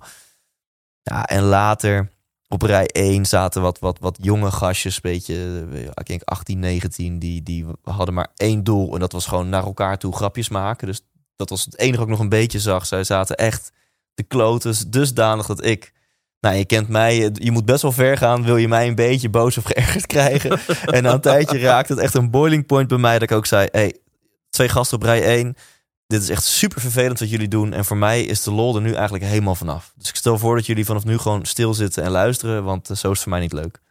Misschien niet de beste interventie, maar oh my god, it was Ja. oh my god. en, en, en op zich zitten wel een paar krachtige verhalen natuurlijk in mijn, in, mijn, in mijn presentatie. En toen eenmaal die verhalen eruit kwamen, toen kreeg ik ze wel stil en ik heb het overleefd. Maar als je in mijn hoofd kon kijken, dat uurtje, dat was eh, feest geweest. Ja. En waarom vertel ik dit verhaal? Ja, dus dat, dat, dat, dat, dat, moet wel een goede match zijn. Maar wat wel heel leuk is om hier aan toe te voegen. Dat ik uh, later sprak ik, komt name dropping Thijs weer. Later sprak ik met Guido Weijers hier, uh, hierover. en toen zei ik Guido wat ik nou nog meemaakte. Nou, dus ik vertelde dit verhaal. En um, oh nee, we moeten eigenlijk eerst even terug naar het verhaal. Achteraf, mijn toenmalige assistent wilde even een verhaal halen. Dus die is toen met die vrouwen een praatje gaan maken. Uh, en wat bleek, ze hadden hiervoor al echt wel heel erg veel uh, alcohol op. Want ze hadden hiervoor uh, uitgebreid gedineerd met onbeperkt wijn. En ze zeiden tegen mijn assistent: Ja, we, nou, dit, dit is gewoon wat ze zeiden. Kan ook, niet, kan ook niks anders maken. We vonden het gewoon zo'n lekker ding. Oké. Okay. Exactly. Oké. Okay. Nou, oké. Okay. sterk verhaal. Sterk verhaal. Nou, ik. Daar ontspring je toch maar mooi de dans, Thijs. Wat gewoon een geluk dat je toch een goed frontje hebt. Precies. en uh, uh, geen idee of dit verhaal nog boeiend is, maar ik moet het even afmaken. Ik, een paar dagen later belde ik Guido Weijers. Ik zeg, Guido, je raadt nooit wat er gebeurt. twee vrouwen in het lachen, bla, bla bla. Het hele verhaal. Zonder dat laatste stuk dat ik wist dat er aan de hand was. Ik zeg, Guido, ik wil over jouw opinion, jouw mening. Wat denk jij dat er aan de hand is? Je komt op en twee... En Guido zegt zo... Eerst wat hij zei, hè. Nou, Thijs... Ja, weet je, meestal is er dan alcohol in het spel. Dus ze hebben gewoon een wijntje te veel op. En waarschijnlijk vonden ze jou gewoon een enorm lekker ding. Seriously? ja, nee, let dit. Seriously? Ik zeg, hè? Is dit Guido Manda? Uh, uh, maar dat is dus gewoon zijn... Ik voel een B. ja, ja, ja. ja. Heten ze Caris en... Printa. En, en, en hij, maar hij, die gast heeft wow. meer dan duizend keer op het toneel gestaan. Dus dit en, is dus wel, dit maakt hij ook mee. Ja. Zo nu en dan. En ik zeg, hoe weet je dat? Hij zegt, ja, Thijs, dat heb ik gewoon vaker meegemaakt. Ja. En dan is vaak is dit aan de hand. Dus dat is wel heel interessant. Kijk, dit, dus, dus als we daar dus een les uit trekken, is gewoon wat, wat er gebeurt, is dat als je zelf op het podium staat, ben je zo kwetsbaar. Dat als er dus iets gebeurt in de zaal, wij betrekken het meteen op onszelf. Ja als de weerstand komt, wij betrekken die weerstand op onszelf. Maar de weerstand in de training komt heel vaak niet voort uit dat ze mij niet mogen. Nee, maar zo'n training is opgelegd. Ze worden gestuurd. Het is niet goed gecommuniceerd. Ja, vind je logisch dat mensen dan met weerstand daar binnenkomen. Zeker als er een angstcultuur heerst. Dat als je niet komt, dan zwaait er wat. Ja. In jouw geval, mensen hebben net een eh, borrel gehad. Komen licht beschonken naar binnen. Uh, dan dan gaan, we, gaan we ineens hebben over toch best wel spirituele dingen. Dat als je daar, het is niet heel, heel zweverig. Maar als je helemaal uit het zelfontwikkelwereldje zit, ja, dan is het toch al snel, komt het wel een beetje dichterbij. Nou, gemakkelijkste coping is om maar gewoon een beetje te lachen met elkaar, toch? Ja. En, en dus ja, ik vind het wel mooi dat, dat uiteindelijk dus, uh, los van de, dat het dus lag aan de context, niet lag aan, aan jouw verhaal. Um, ja, en dat, dat zorgt misschien. Wat, wat doet dat dan met jou nou, als je dat dan achteraf hoort? Nou, dat... Dit vind ik lief van je, maar ik leg dan ook wel de lat hoog. Denk ik van hé, hey, had ik hier beter mee om kunnen gaan? Natuurlijk is het antwoord ja. ja. Weet je wel, gewoon even iets simpels. Volgende keer als je echt zo'n stoorzender hebt, vraag even aan de techniek. Ik had zelfs mijn eigen technicus bij me. Jeroen, wil je even wat zaallicht aandoen? Want ik wil graag even een gesprekje voeren met wat dames achterin. Dan ja. kon ik ze al zien. Dan heb je al veel meer informatie. Uh, ja. Uh, ik liep ook helemaal vast toen ze zei: Ja, vind je het gek? Weet je ook. Ik had ook van: Nou ja, eigenlijk, eigenlijk wel. Maar ja. uh, superleuk dat je er bent. En maar waar komt het dan door? weet je wel. En dat je op die manier iets meer. In ieder geval die verbinding aan wilt gaan met de ander. Ja. En, en als cabaretier, zeker als je stand-upper bent en je hebt een toemler gestaan, dan, nou, dan heb je de ergste avonden wel meegemaakt. Maar dan, dan heb je twee kanten. Hè. Je kan of dan de persoon kapot maken, daar waar degene met de microfoon altijd ja. de grootste macht heeft. Uh, en ook uh, uh, het gevatst is. Ja. Dus je ziet dat sommige cabaretiers kiezen voor de aanval. Andere cabaretiers die, die, die proberen juist vanuit een soort connectie gewoon laat daadwerkelijk te begrijpen wat er gebeurt. Maar either way, er, er moet iets gebeuren op dat moment. Dus op, op het moment dat we negeren, dat, dat kan dus ook niet. Op het moment, dus als ik Ja. ook in de training de weerstand te veel aandacht geef, dan groeit het. Ja. Dus ik moet Ja. de weerstand niet te serieus nemen. Maar van de andere kant moet ik er wel liefdevol. Ja. Dus, want met andere, met- ik pra, al praten, dan kom ik tot de conclusie: veroordeel ik de weerstand of ben ik vooral nieuwsgierig wat er gebeurt aan, in die bovenkamer van En de dan ander? kom je op het volgende. Gaat dus je innerlijke vijand af, ja of nee? Hele mooie uitspraak van Jan Dino Asporaat, die hij weer heeft geleend van Nelson Mandela. Er kan pas een vijand van buiten zijn als er een vijand van Ja. binnen is. Ja, Stel dat jij op het podium staat en jij bent 100% oké met jezelf, met Glenn Vergozen, met wat jij die dag komt brengen. En je staat gewoon over je passie te vertellen. En je hebt dus geen innerlijke vijand. Hè? Je, jouw eigen waarde is ook en je vindt jezelf goed genoeg. Dan maakt het geen reet uit. Al lacht die zaal je collectief uit, dan zou je denken: wauw, wat fascinerend, wat, wat ontzettend interessant. Wat maakt dat die mensen zo hard lachen? Weet je wel? Uh, maar op het moment dat je dus je voelt iets wat ik 100% voelde, ja, dan moet je, dat is toch een innerlijke vijand die, die afgaat. Want blijkbaar uh, uh, zit er zelf in jou ook nog iets waar je niet helemaal zeker over bent. Ja, en dat vind ik zo geniaal aan de vorm. Dus spreken op een podium. Dat het helemaal niet hoeft te gaan over dat je spreker wilt worden.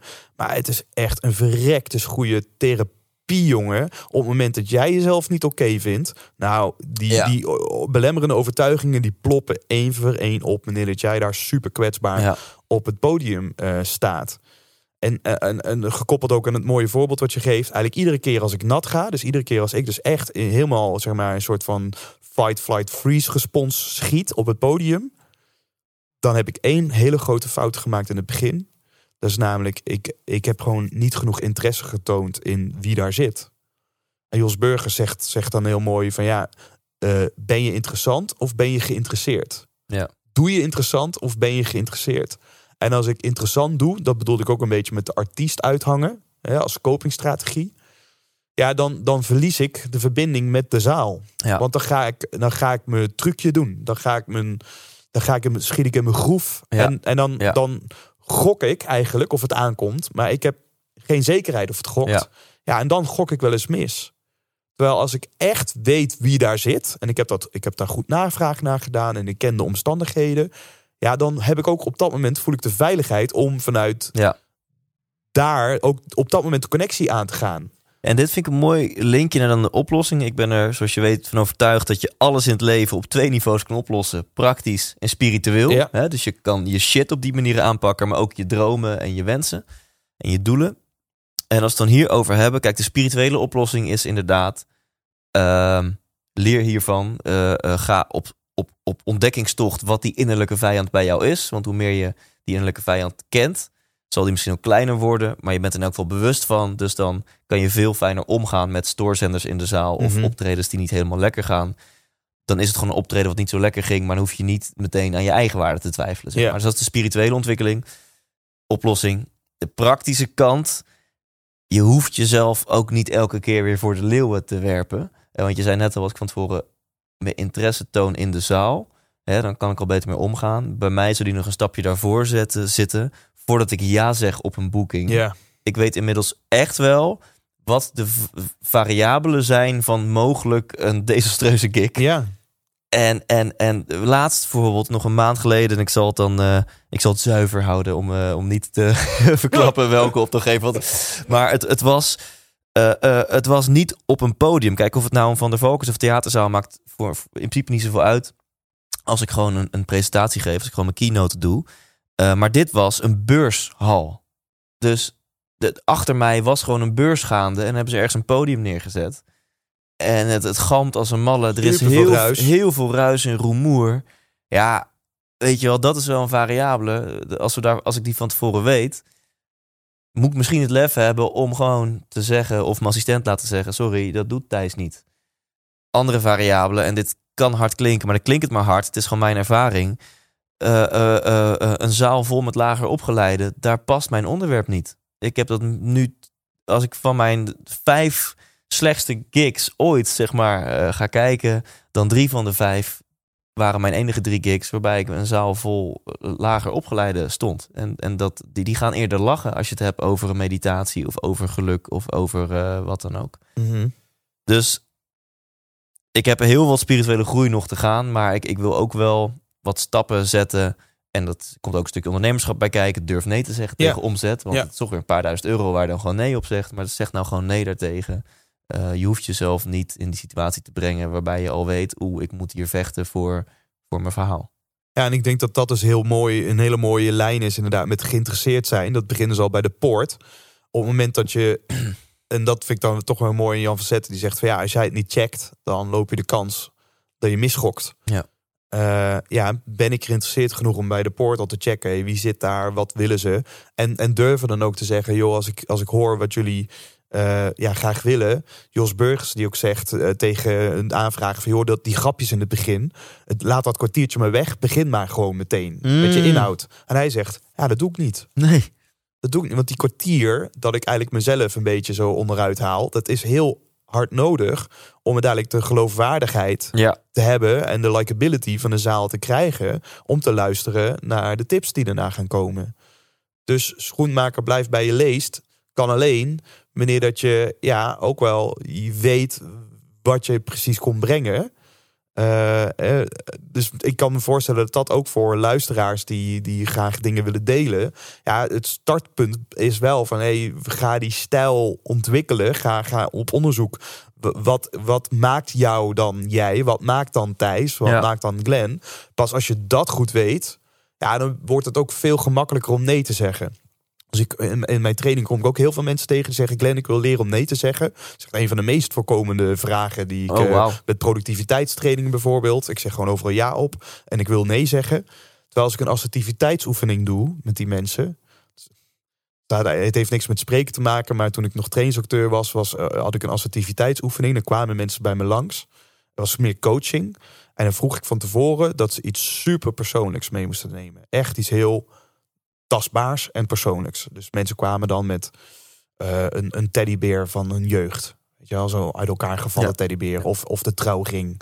Of ehm, eh, een, een fotolijstje met een heel een emotionele waarde. En, en, en dan kwamen ze langs en dan vroeg ik aan hen: Ben je bereid om dit aan mij te geven? Zeiden ze: Ja, oké. Gaven ze het aan mij? Zeg: Oké, nou, mooi. Ehm, dit is nu van mij.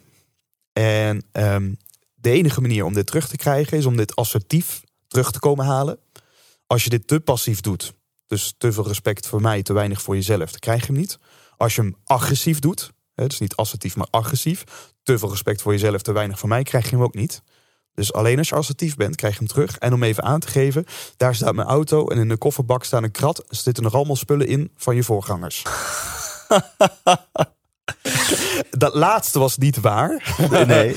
Maar dat was wel genoeg om het reptiele brein helemaal aan te laten gaan. Maar de grap was, iedereen kreeg het binnen een half uur voor elkaar.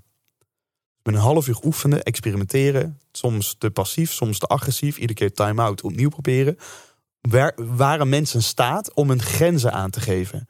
Stel dat als mensen zeggen, ik wil vaker nee zeggen. Zeg, zeg ik eens nee. Zeg eens nee. Zeggen ze nee. Nou, check. Je bent er, stickertje verdiend. Door naar de volgende. En zeggen ze, ja, hier zit dus het probleem niet. Dus het is niet dat we het niet kunnen, maar in bepaalde omstandigheden doen we het niet. Ja. Dus is het interessant, wat gebeurt daar dan? En als ik dan een mooie omdenkvraag stel, is oké, je wil vaak een nee zeggen. Weet je dan ook waar je ja tegen zegt? En dan blijft het vaak stil.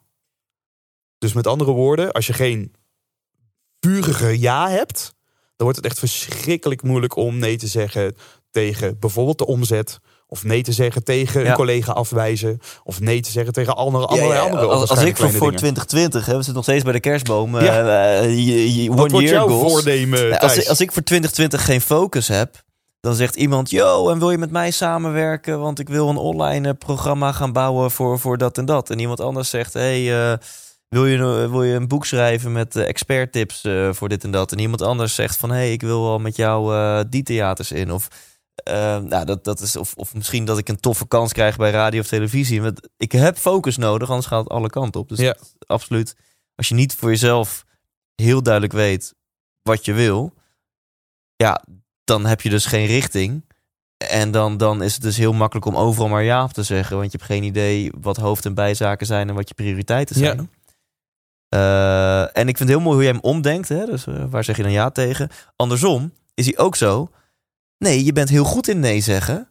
Want elke keer als jij namelijk weer eens ja zegt tegen iemand... tegen jezelf. zeg je nee tegen je gezondheid. Ja. Nee tegen quality time met je partner. Nee tegen een avondje meet op de bank. Nee tegen de sportschool. Ja. Nee tegen eh, je kinderen zien. Mooi. Nee Mooi. tegen eh, balans. Dus je kan heel goed nee zeggen. Maar je zegt het even tegen de verkeerde dingen. Ja. En tegelijkertijd, ik zeg het tegen jou, ik zeg het tegen mezelf. Want als ik ergens nat op ga, is het focus. En dat ik, eh, dat vind ik verschrikkelijk moeilijk om iedere keer ehm, ja, echt na te denken. Hey, wat, wat, wat, er zijn zoveel mooie dingen. En er zijn Ja. gewoon altijd meer goede ideeën dan dat de tijd is om uit te voeren. Ehm, dus ik ben heel blij. We zitten nu in januari. Hè. De, de, de, de, nu het eerste weekend van januari komt eraan. Uh, dus de, deze komt vrijdag online. Uh, dan morgen, zeg maar. Als mensen dit meteen op de dag dat het uitkomt luisteren. Ja. Morgen ga ik een uh, strandwandeling maken. Dat doe ik ieder jaar opnieuw. Dan hoop ik dat het een beetje koud en guur is. Weet je wel, is echt een straffe wandeling. En daarna dan ga ik, ga ik een restaurant in, een strandtentje. Vraag ik een goede rode wijn. En dan ga ik zitten. En dan bepaal ik mijn focus voor dit jaar.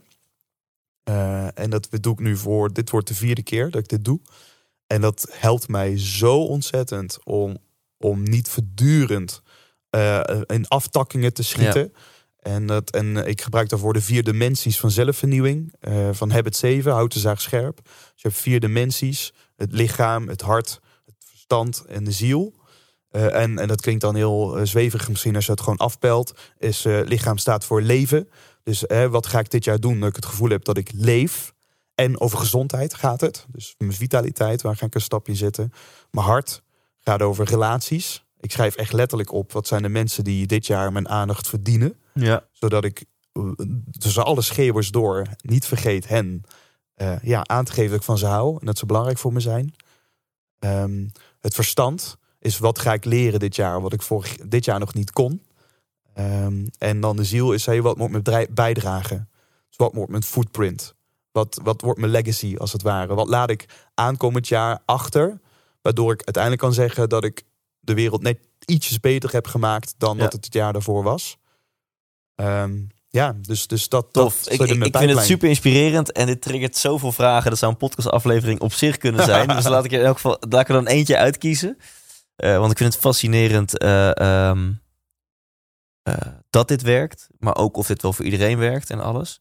ik geloof aan de ene kant heilig in dat alleen al die vier uurtjes met een wijntje op 4 januari zitten. al lees je het nooit meer terug. Dat, dat, dat maakt al impact. Want je bent er even bewust mee bezig. En dat gaat straks naar je onderbewuste. En het zou zomaar kunnen zijn dat jij in maart of september nog steeds beslissingen maakt. die op onbewust niveau te maken hebben met die paar uurtjes focus op 4 januari. Ja. Uh, maar toch even een vraag. Want je wil niet dat dit toevallig impact heeft op je leven. Je wil dat dit gewoon uh, heel bewust impact Ja. heeft op je leven. Dus na die paar uur met dat wijntje op 4 januari, hoe zorg jij ervoor dat dit ook echt je focus blijft gedurende 2020? Ja, dat is een hele goede vraag. En, en eh, let op, ik heb een aantal maanden geleden leg ik dus al zaadjes uh, in, erin. Dus ik heb allemaal opties. Uh, en, en ik resoneer daar, ik laat dat gewoon een, een, een maandenlang Ja. uh, pruttelen. Ja, En dan, en dan daarna komt pas als het ware het juist omhoog. Ik heb toevallig hier mijn notitieboek bij me. En hier ga ik het dus inschrijven. En je ziet hier letterlijk. Op pagina 1. Je ziet hier letterlijk op pagina 1 de doelen van, van uh, vorig jaar, 2019. Dit heb ik geschreven voor 2019. Ja. Ik heb dit opnieuw weer opgeschreven, want mijn boek van 2019 was al helemaal vol. Uh, hier staat ook live, live, love, learn, leave a legacy. 2019, oogst het goud. En hier staat letterlijk de dingen in die Wauw. uh, gekoppeld op die vier dimensies. Je ik er nou heel groot staan podcast opname met Thijs? Um, ja, dus je zou je zomaar gelijk in uh, kunnen hebben. nee, dat, dat was een heel uh, lief antwoord van Glenn. Die staat er niet. Nee, maar de, de, en is daar een, een, een gedeelte van uitgekomen? Nou ja, uh, ja, ik, ik, kan, ik kan ze opnoemen. Lichaam, uh, ik, wilde een ik had een schouderblessure, schoot heel snel uit de kom. Dus als het gaat om lichaam, was een operatie schou, uh, schouderstabilisatie. die heb ik gedaan. Ja. En dus ik ben geopereerd. Ik heb een enorme revalidatie achter de rug. ben nog steeds aan het revalideren. Dus door dat, door dat echt te benoemen als punt, ga je het ook doen. En ik wilde vaker naar de sauna. Uh, dat klinkt ogenschijnlijk heel simpel, maar ik en stilzitten is niet mijn sterkste kant. Dus Ja. ik moet mezelf echt ja, manipu helpen om, om tijd met mezelf door te brengen. Ja. Um, dus het zijn ogenschijnlijk, hè, operaties best wel een groot ding, maar lichaamtechnisch zijn ieder jaar kleine dingen. Uh, bijvoorbeeld, ik had een jaar dat ik begon met reizen, uh, veel reizen voor werk. En ik slaap heel slecht in hotelkamers. Um, dus ik dacht, ik ga stoppen met koffie drinken na twee uur s middags. En ik doe iedere 10 minuten mindfulness voor het slapen gaan. Dat was het. Dus alle andere dingen. Hé, hey Glenn, ga je mee sporten? Ja, dat kan. Dat is een bonus. Maar ik ga, ik ga me puur. Dit, als ik dat maar volhoud. En Ja. stoppen met koffie drinken na twee uur. En 10 minuutjes mindfulness, daar kan wel. Eh, in 2018 heb ik die Fitbit gekocht. En dan was het gewoon ieder, iedere dag eerst meten hoeveel stapjes doe ik eigenlijk. En toen van 6000 naar 8000, van 8000 naar 10.000. Om aan te geven hoe klein, hè, kleine stapjes het zijn. Maar ik geloof Ja. als ik ieder jaar een klein 10.000 stapje kleine stapjes. 10.000 kleine stapjes iedere dag. Nou ja, dan helpt me dat wel Ja, om eh, gezonder tof. te zijn. Dus als ik zo kijk, ik had voor verstand, mijn leerreis was, en het was ook gekoppeld aan eh, de ziel, was de start van de podcast over spreken gesproken. Mijn doel in januari vorig jaar, opgeschreven 10 afleveringen. eh, en, en, en, of 12 afleveringen, iedere maand één. eh, en gemiddeld 10, eh, of gemiddeld 100 luisteraars per aflevering. Dat was mijn commitment. Ja, dus als jij nu op 1200 plays, streams had gestaan, dan was je doel behaald. Ja, als ik op 1200 streams had gestaan en 12 afleveringen, was mijn commitment behaald. Want ik had nog geen flauw idee hoe het zou gaan. En hoeveel afleveringen en hoeveel streams heb je? Start podcast over spreken gesproken, 26 afleveringen verder. In 2019 2500 hits. Duizend, toch? Ja. 25.000, Ja, ja, 25.000 25.000 hits streams. in, Ja, dus je streams hebt- je in hebt- totaal. 20 keer zoveel als je doel was. Ja. En, dan, en als je dus focus hebt en focus houdt, ja, dan kan het dus in, in het beste geval ook compleet op een positieve manier uit de hand Uit de lopen. vliegen. Ja. En je ziet dat deze pagina is leeg. Voor 2020. Dit is 2020 en dit gaat dus, eh, als je dus meteen kijkt eh, of luistert, eh, morgen ga ik, ga ik dit invullen. Brengt mij bij de vraag, lieve Thijs. Als jij terugkijkt, je hoeft deze kapstok niet te gebruiken, want hé jongens, het is maar een kapstok. Ja. Dit is mijn kapstok, werkt van mij. Er zijn honderden, pak er eentje die werkt. Als jij terugkijkt naar 2019, wat is dan voor jou het goud? Leuk. Eh, Even nog één concrete tip, ook voor de kijker luisteraar, voordat ik het antwoord op geef. Want ik vind, dit, ik vind dit magisch. Ik doe dit altijd tussen kerst en oud en nieuw. Maar goed, als je dit hoort, is dat mosterd naar de maaltijd. Maar eh 4 januari of gewoon begin januari is ook een heel mooi moment Ja. om dat te doen. Eh, en, en dat perfect linkje met je vraag. Voordat ik vooruit kijk, vind ik het ook heel mooi om eerst terug te kijken. Ja. Ik heb die tip aan wie nou? Nou, aan iemand. Oh ja, aan, aan een vriend van me gisteren nog over de telefoon gegeven. Van hey, pak nou even gewoon je agenda erbij. Dat helpt, want je bent alles vergeten. Ga Ja. gewoon week voor week vanaf week 1 tot door je agenda heen. Daar staat namelijk alles in. En maak nou eens bullets van al je successen, je pieken. Kunnen ook, of kutmomenten, gewoon Ja. beslissende momenten. Alle maar dingen die impact hebben in gehad. alle impactvolle momenten. En je zult zien dat 80% waarschijnlijk positief zijn. Ja. Eh, ehm, in elk geval eh, of is dat, dat de negatieve dingen iets positiefs hebben gebracht uiteindelijk. Precies, dat kan ook. Eh, en je komt, een normaal mens komt tussen de 20 en 50 bullets uit. En dat zijn Ja. 20 à 50 punten waar jij dus knetter, dankbaar, trots, eh, eh, gelukkig mee mag zijn. Eh, dus dat, dat, dit zeg ik even hard tegen mezelf, want dit ga ik ook weer doen de komende, komende tijd. En jouw vraag was wel, wat zijn de mooiste, wat was het goud van Ja, dat is het 2019? goud van 2019. Ehm, op, sowieso op spreken, carrière vlak, maar dat is gewoon een heel groot gedeelte van, van mijn leven. Eh, ehm, omdat er heel veel van mijn energie en passie in zit. Eh, De, de, de zelfverzekerdheid die ik nu heb als, als spreker. Dat ik dus echt contact kan maken met hoe ik denk over het onderwerp geluk. Ik ben er dus echt 100% van overtuigd dat er geen stappen zijn naar geluk. Maar ik Mhm. ben er 100.000% van overtuigd dat er een aantal thema's zijn die iedereen tegenkomt. Dus ja. Elke keer bij mijn theatershow, bij mijn keynotes, dat ik over die drie thema's mag lullen. Dat wordt elke keer beter. Want ik sta er elke keer als ik erover heb, sta ik er nog meer achter. En ik ga een boek schrijven eh, waar ook die, die drie, eh, eh, vier zelfs thema's in, in worden behandeld. Dus in mijn eigen leven, en het gaat hand in hand, gewoon een, een stuk gelukkiger weer worden. waarmee een stukje onzekerheid is weggenomen. Waarmee ik veel zelfverzekerder ben over hoe ik over dit onderwerp denk. En meer contact maak met hoe gaaf ik het vind om dit te doen. Dat is, dat is een heel groot succes van, van 2019. Mooi. Ehm, eh, eh, dan, ik noemde het net al, ik, ik ga een boek schrijven. Dat is ook een heel groot succes dat ik een eh, contract heb getekend bij een, bij een uitgeverij. Dat al een piketpaal voor 2020 tevens. Ja, ja wil je een primeurtje? Nou, Dan, volgens mij mag dat wel. En anders dan is het jammer voor mijn uitgever. Maar in, in juni komt die uit. ah, brrr, Ja. Ja. En hij Ja. heet, weet je dat al? Ja, Ik, weet- ja, ik weet of ik dat... eh, ik weet niet of we dat al hebben vastgelegd. Ja. dus ik durf die titel. Ik, Contractueel voordat dadelijk iemand ja, wijsneus, precies. eh, Ik, weet, ik ben de grootste rebel die er is. Maar ik neem, eh, dit doe ik echt voor mezelf. Want ik, Ja. ik wil wel dat ik die titel heb. Ja. Eh, dus die durf ik nog even niet te delen. maar in juni komt jouw boek uit. Ja, ja, Gekoppeld begin- ook aan de, aan de show, die, eh, eh, de inzichten die ook in jouw 100% inspiratieshow Ja. voorbij kwamen. Ja, dus het is een XL-versie van mijn show. Ja.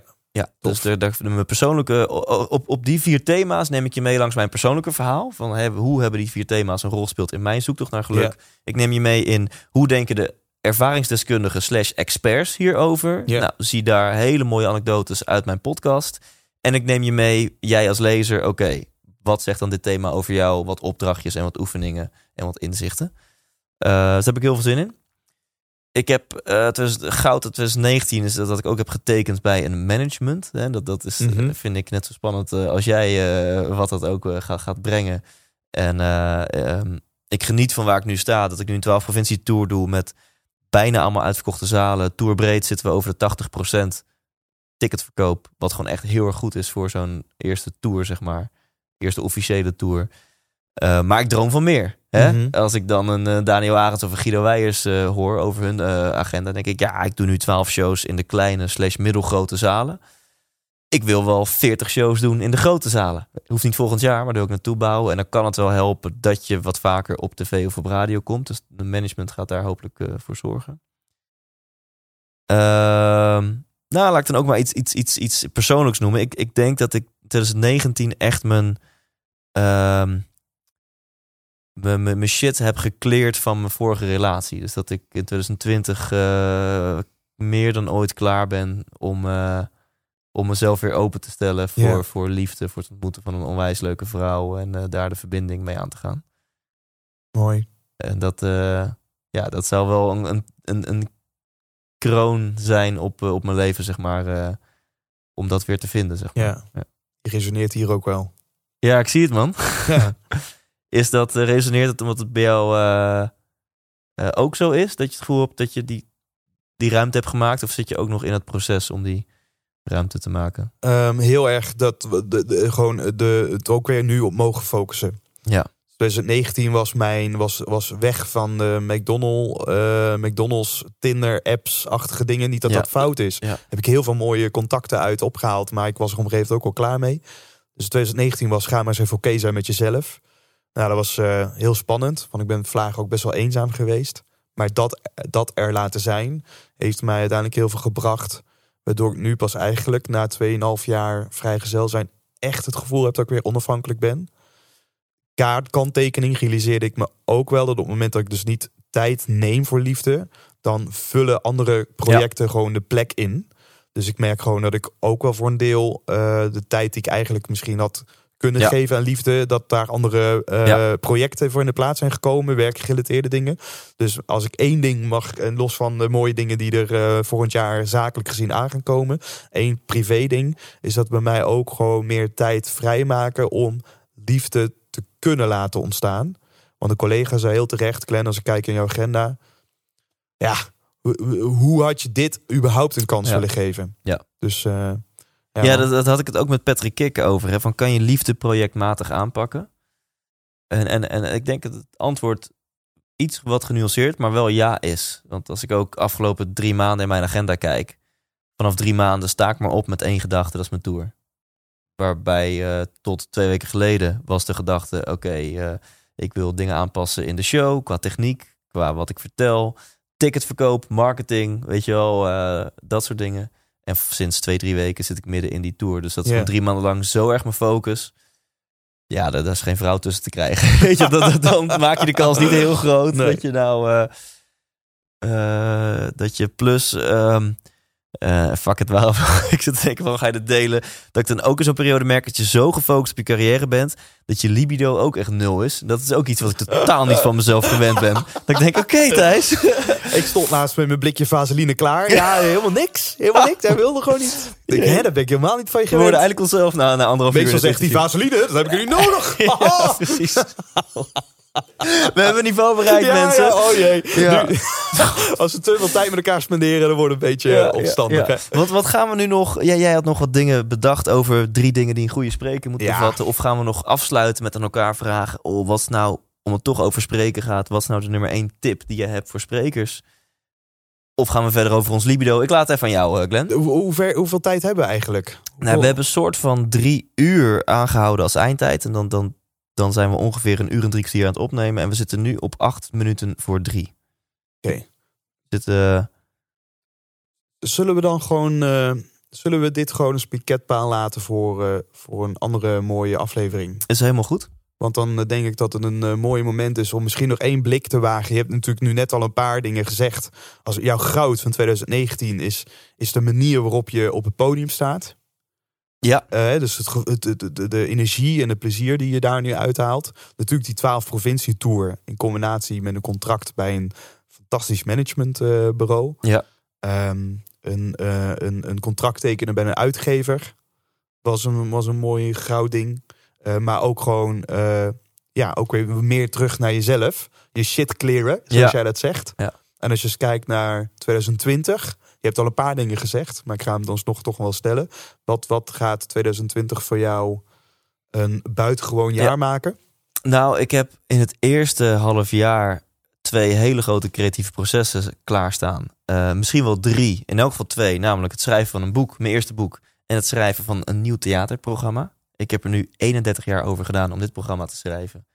En ik moet straks in relatief korte tijd, nee, gewoon in korte tijd, moet ik een tweede programma schrijven. Dus dat uh, is even spannend als leuk als uh, scary. Uh, misschien komt er nog een derde creatieve proces bij, dat ik ook met een online training ga komen. Die Mhm. dus ook over die vier thema's gaan. Dat, ik, dat ik in mijn boek lees je erover en in mijn online training neem ik je echt stap voor stap mee in hoe jij die vier thema's voor jouw persoonlijke zoektocht naar Ja. geluk. Ik heb het soms over drie, soms over vier thema's, want in mijn show is dat ook een soort van dingetje, maar dat merken mensen vanzelf. Ehm, dus het eerste half jaar is, is gewoon een heel creatief eh, proces. En ehm tweede half jaar hoop ik zoveel mogelijk op de bühne te staan. Uh, en in mijn privéleven, ik wil uh, wel heel graag in een huis wonen. Ah, ja. Want ik woon nu in een studio, wat als een soort van tijdelijke oplossing voor maximaal twee maanden Ja. was bedacht. En ik woon daar nu twee jaar. En uh, nou, op mijn Instagram en op deze podcast heb ik ook al een paar keer gedeeld de laatste tijd van... uh, Hallo. je omgeving beïnvloedt toch wel heel sterk, zeg maar. Ik ben heel voelig voor omgeving. Hè? Dus ik, ben, ik kan ook echt zo'n compulsive disorder dude zijn... die, die, die zijn huis gewoon de tijdschriften netjes... en ik, ik, mijn omgeving moet gewoon geordend zijn. Eén, uh, dat is in een studio vrij lastig. Twee, ik geloof er ook in dat als je dingen in een aparte ruimte doet... dat je het ook daar kan laten. Mhm. Hè? Ik heb nu dus één ruimte waarin ik werk, waarin ik slaap, waarin ik drum, waarin ik ontspan, waarin ik eet, waarin ik kook. Je laat alles in die, in die ruimte. Ik, en ben dat is... ik slaap dus ook dus best wel slecht, wat ik net zei. Ja. En ik weet, je moet vooral naar jezelf kijken. Maar ik denk en hoop dat een groot gedeelte van mijn slechte slaap komt van het feit dat ik dus... Ik heb geen symbolisch ding als ik ga slapen, want mijn bed staat altijd in de ruimte waar ik de hele dag al ben. Terwijl als je dan naar boven gaat en daar is het pikken donker, je trekt die deur dicht. Hey, en dan kan je ook gewoon tegen je onderbewuste zeggen: in deze ruimte doe ik niks anders dan slapen en eh, occasionally seks hebben. en, uh, en Floris Wouterson, slaapexpert, ik heb geïnterviewd, die zegt dat ook. Het is goed voor je onderbewust dat je een ruimte hebt waar je alleen maar in principe slaapt. Seks. Uh, en sext. Ja, goede aanvulling. Um, Verhuizen. ja, als verhuizen en, en, en, en knallen. Maar ik, ik zit te denken, er moet eigenlijk een inspirerende antwoord uh, Nou, hoezo? uitkomen. Maar dit is ja gewoon lekker doorpakken als, uh, als, als geluksonderzoeker. En Ja. uh, heel, heel veel mensen gaan, uh, Podcast gaat gewoon door. raken. Podcast gaat door. Ik heb, ik heb best wel wat, wat, wat ambitieuze doelen om die podcast. Hè, zakelijk gezien heet het dan te monetizen. Hè? Dus om er een businessmodel van te maken met een win-win. De win voor mij is dat het dan geld oplevert. Wat ik niet eens ga investeren in, in mezelf, maar eigenlijk vooral ga investeren weer in die podcast. Dus alles kan weer terug in de podcast door betere apparatuur, betere studio, misschien een producer. Uh, online, daar uh, meer blogs, artikelen, uh, snippets, previews. Hè? Dus dat, dat, dat als er geld binnenkomt vanuit die podcast, dan kan ik het allemaal weer in die podcast pompen om gewoon ja, mijn grote uithangbord naar de wereld, maar ook iets waarmee ik heel veel impact kan maken om het groter te maken. Uh, de, dus de podcast ook, ook daar heb ik echt wel wat wilde ideeën voor. Om dat uh, voor mij dus een win te maken dat er geld binnenkomt. Maar voor degene die dan premium lid wordt, hè, om, om voor diegene gewoon met hele toffe extra's te komen. Dat Ja. je gewoon denkt, hey, als je deze podcast tof vindt, word gewoon premium lid. Want het kost geen drol en daar krijg je zoveel extra's voor. Ja. Dit is wel een mooie preview daarvan. Uh, ja, punten, dat zijn wel, denk ik. Uh, Mooi man. Uh, focus is toch wel. we zitten nu naast de kerstboom. Focus is niet altijd mijn beste punt. Rocking Up Christmas is, is een heel mooi initiatief wat ik doe. Ehm, ga ik zeer waarschijnlijk volgend jaar weer doen. Dan gaan we naar de 2000 gezinnen die we verrassen met kerst. Maar waarom noem ik dat? De grote valko in mijn leven is wel vaak te veel willen. Dan heb je dus en die podcast en die theatershow en je hebt je keynotes en je gaat een boek schrijven en je hebt Rocking Up Christmas wat vanaf september aandacht vergt. Oh ja, we zitten hier op kantoor van de Duurzaam Adviseurs. Ik oh, ja. nog een bedrijf. Ja. Ook nog een stichting, Nederland CO2 neutraal. Oh ja, ja. wil misschien ook nog wat liefde, Thijs? Uh, wanneer dan? en uh, dus, uh, dus focus, dat is ook wel. Jij zei het ook tegen jezelf. focus is voor mij heel erg, heel erg belangrijk. Ja. En voor jou? Wat is, wat is jouw, hoe ziet jouw 2020 eruit? Um, ja, je gaat, dus, het is een heel spannend moment, omdat binnen 24 uur ga ik dat vastzetten. En ik weet het nog niet zeker, want ook ik kan heel veel kanten op. Maar er zijn een paar dingen die ik wel uh, weet. Uh, als het gaat over de komende vier dimensies weer, als het gaat over het lichaam um, dan, uh, en, en live, dan is de schouderblessure hopelijk dadelijk voor een deel opgelost. Er zitten nog wat haken en ogen aan. Ik heb is zo vaak de schouder zo vaak uit de kom geschoten dat ik bang ben dat ik al actrose heb. Doordat het kraakbeen weg is mm. gesleten. Dus dat moet ik nog laten onderzoeken. Uh, maar het stelt mij hopelijk in staat om uh, op zoek te gaan naar een sport wat ik echt tof vind. Dus mijn doel voor 2020 is gewoon te zoeken naar een sport die en werkt met mijn schouderblessure, die dus nu voor een deel is opgelost. Uh, zodat ik ja, weer plezier kan ervaren met sporten. Want dat heb ik jarenlang niet meer gehad. Ja. Vroeger vond ik het heel leuk om te zwemmen.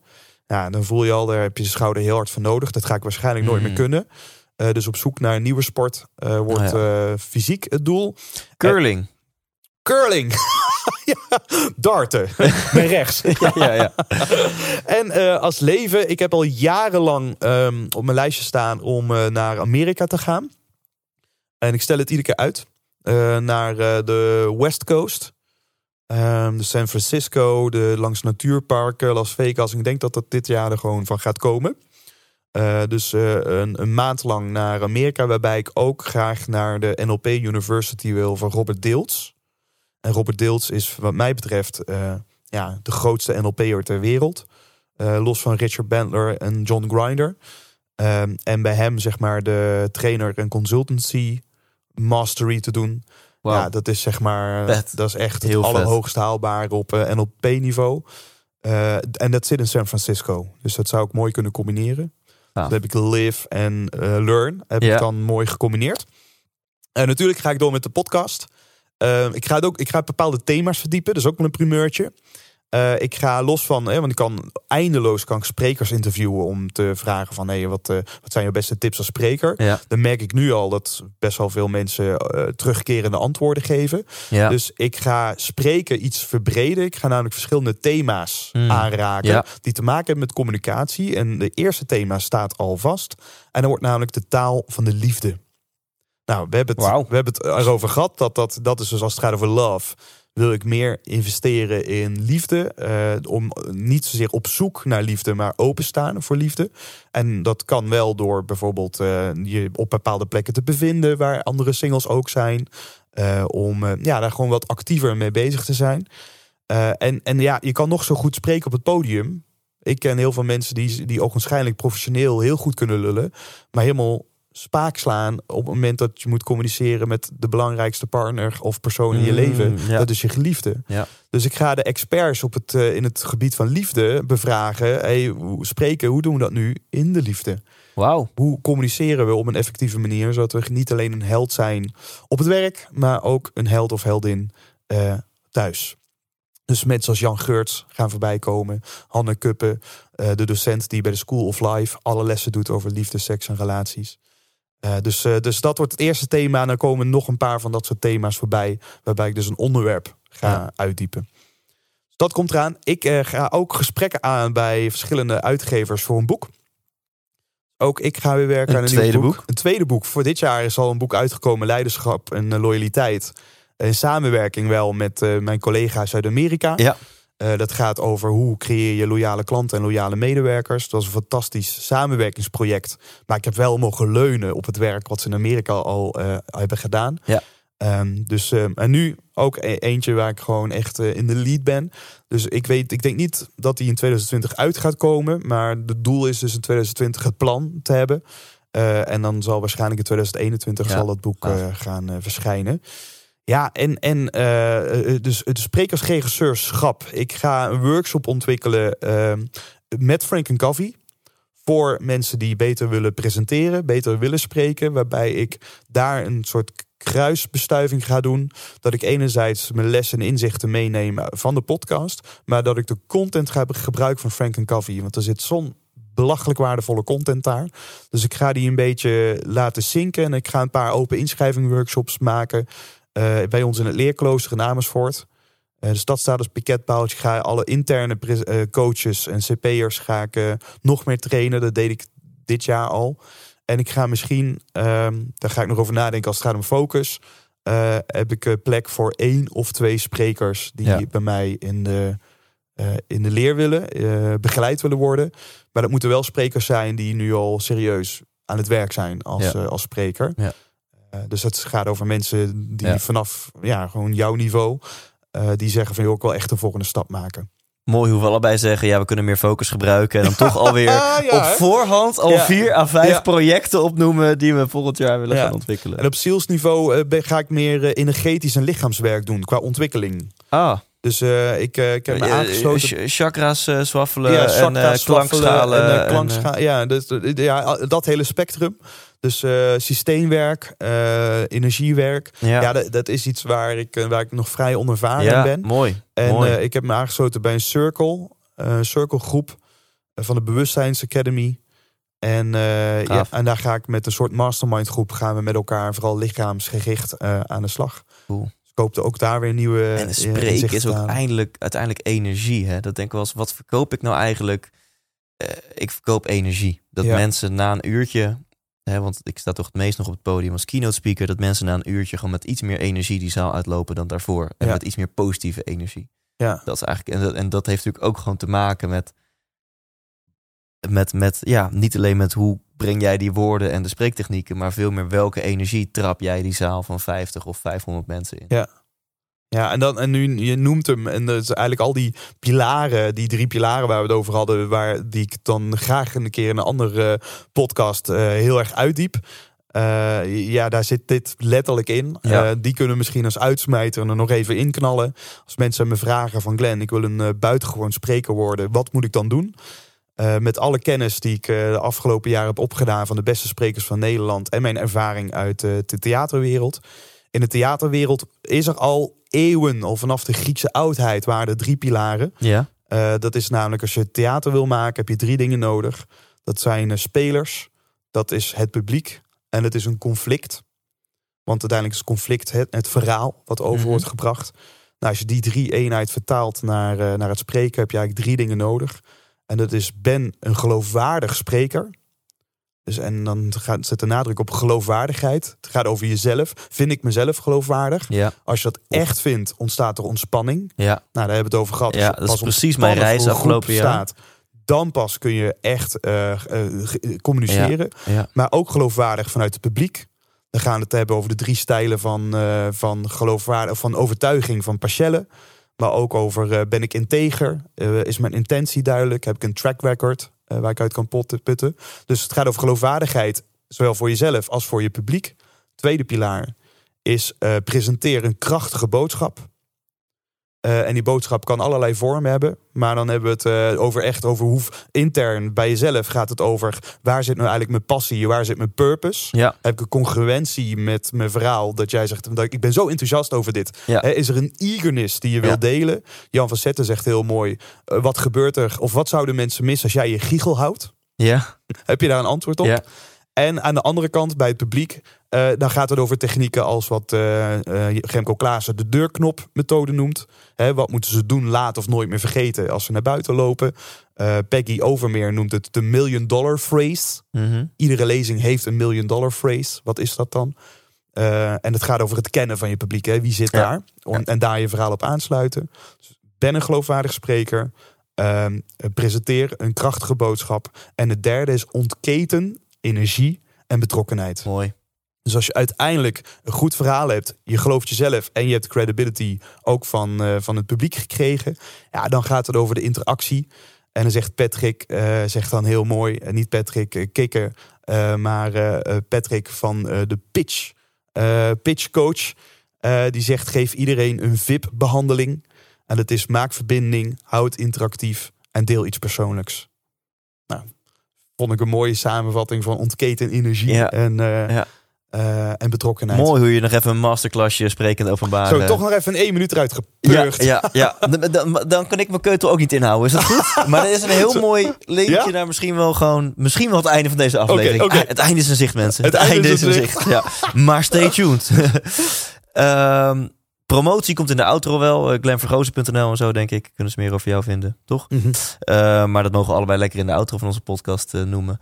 Um, wat je zei net, hè, jouw podcast gaat in principe over de beste sprekers van Nederland. Wat is nou jouw beste tip voor spreken? Um, als je die aan mij zou vragen, dan is dat, en daar heb ik ook hele mooie voorbeelden bij, en uiteindelijk een mooi linkje, is dat authenticiteit. Ik heb namelijk afgelopen jaren bij mezelf, maar ook bij andere mensen ervaren dat er sprekers zijn die totaal niks weten van de technieken, de trucage, tot aan de hypnose en commando's toe. Ja. Die wij natuurlijk inmiddels van onze vriend Klaas hebben geleerd. Mensen die echt niks weten van spreektechnieken. En bij wijze van spreken een hele zaal aan tranen krijgen. Ja. Mooi voorbeeld. Fien Vermeulen. uh, Fien is tuurlijk professioneel discjockey, radio-dj. Maar op het podium staan, een theaterzaal met 500 man, is een heel ander vakgebied. Fien heeft nog heel veel te leren als het gaat om spreektechnieken en, en, en de non-verbale en vaardigheden en interactie met de zaal en bla bla bla bla bla. Maar afgelopen vorige week heeft ze voor het eerst in haar leven voor 500 mensen haar verhaal verteld. Mhm. Ze heeft gedeeld welke impact het krijgen van kanker op, ik geloof dat ze 223 was, met haar heeft, uh, op haar heeft gehad. Ze heeft gedeeld welke impact Expeditie Robinson 30 dagen op dat eiland zitten op haar heeft gehad. En de zaal was muis fucking stil. En het exact tegenovergestelde, ik heb wel eens uh, uh, van een van de spreekbureaus waar ik ook ze ingeschreven, hadden we een soort van uh, informatieavond. Want ze dachten bij dat spreekbureaus, bij dat spreekbureau zijn heel veel topsporters inges ingeschreven van hey, je bent ooit topsporter geweest, maar nu ben je spreker en verdien je geld met eigenlijk lullen over je topsportcarrière. Ja. Om het even heel kort door de bocht samen te vatten. En dat is ook een vak. Dus ze hadden een extern bureau ingehuurd die ons zouden trainen in uh, hoe word je nog impactvoller als spreker. Ja. Ja, en ik zat, ik zat dus tussen allemaal E-players. hè Erben Wennemars links van me, Jack Ploy rechts van me, Piet van de Hogeband, uh, uh, Mark Tuitert, uh, Nicolien Sauerbrei, Jochem Uitenhagen. Die zitten, die zitten er allemaal. Best wel wat mensen die eventjes een kostbare tijd investeren in zo'n avondje. En de dame die de training gaf, of vrouw die de training gaf, mocht ik, mochten sommige mensen dame alweer een, eh, een denigerend woord vinden. Uh, de vrouw die de training gaf, die zei: uh, um, Mensen. En ik probeer het nu goed even na te doen, Ja. hè? Mensen. Hoe zou het zijn als jij naar jouw volgende spreekmoment, als jij de zaal uitloopt, een speld kan horen vallen? En mensen door jouw verhaal. Nou, echt zo. En ik dacht: is dit een grap? Alsjeblieft, dit is een grap. Ze gaat straks uit deze rol en ze zegt: Nou, mensen, zo moet het dus niet. Gebeurde niet. Dit, wat dit ging zo drie kwartier door. Dus zij was het voorbeeld van iemand die alle technieken met intonatie en, en weet ik wat allemaal. En het was stenen fucking krommend. Uh, dus als ik één tip mag geven voor mensen die voor de groep staan, dan is het wees authentiek. En daarvoor is veel voor nodig. Daarvoor moet je in jezelf geloven. Daarvoor moet je vinden dat jij het waard bent. Maar vertel gewoon jouw verhaal. Wat Fien gewoon perfect heeft gedaan Ja. vorige week. Oftewel, leef 100% fucking jij. Ook op podium. En dat is nou net waar mijn volgende theaterprogramma over gaat. Hey, dat was de link, hè? Ja, dat was de link. 100% fucking jij. ja. Dus als je nu denkt, ja, authenticiteit thuis, hartstikke leuk. Hoe, doe ik dat dan? In theaters next year. Bij een theater bij jou in de buurt. Kijk man. Hey, het, is, uh, het was heerlijk om zo even terug te blikken uh, naar afgelopen jaar.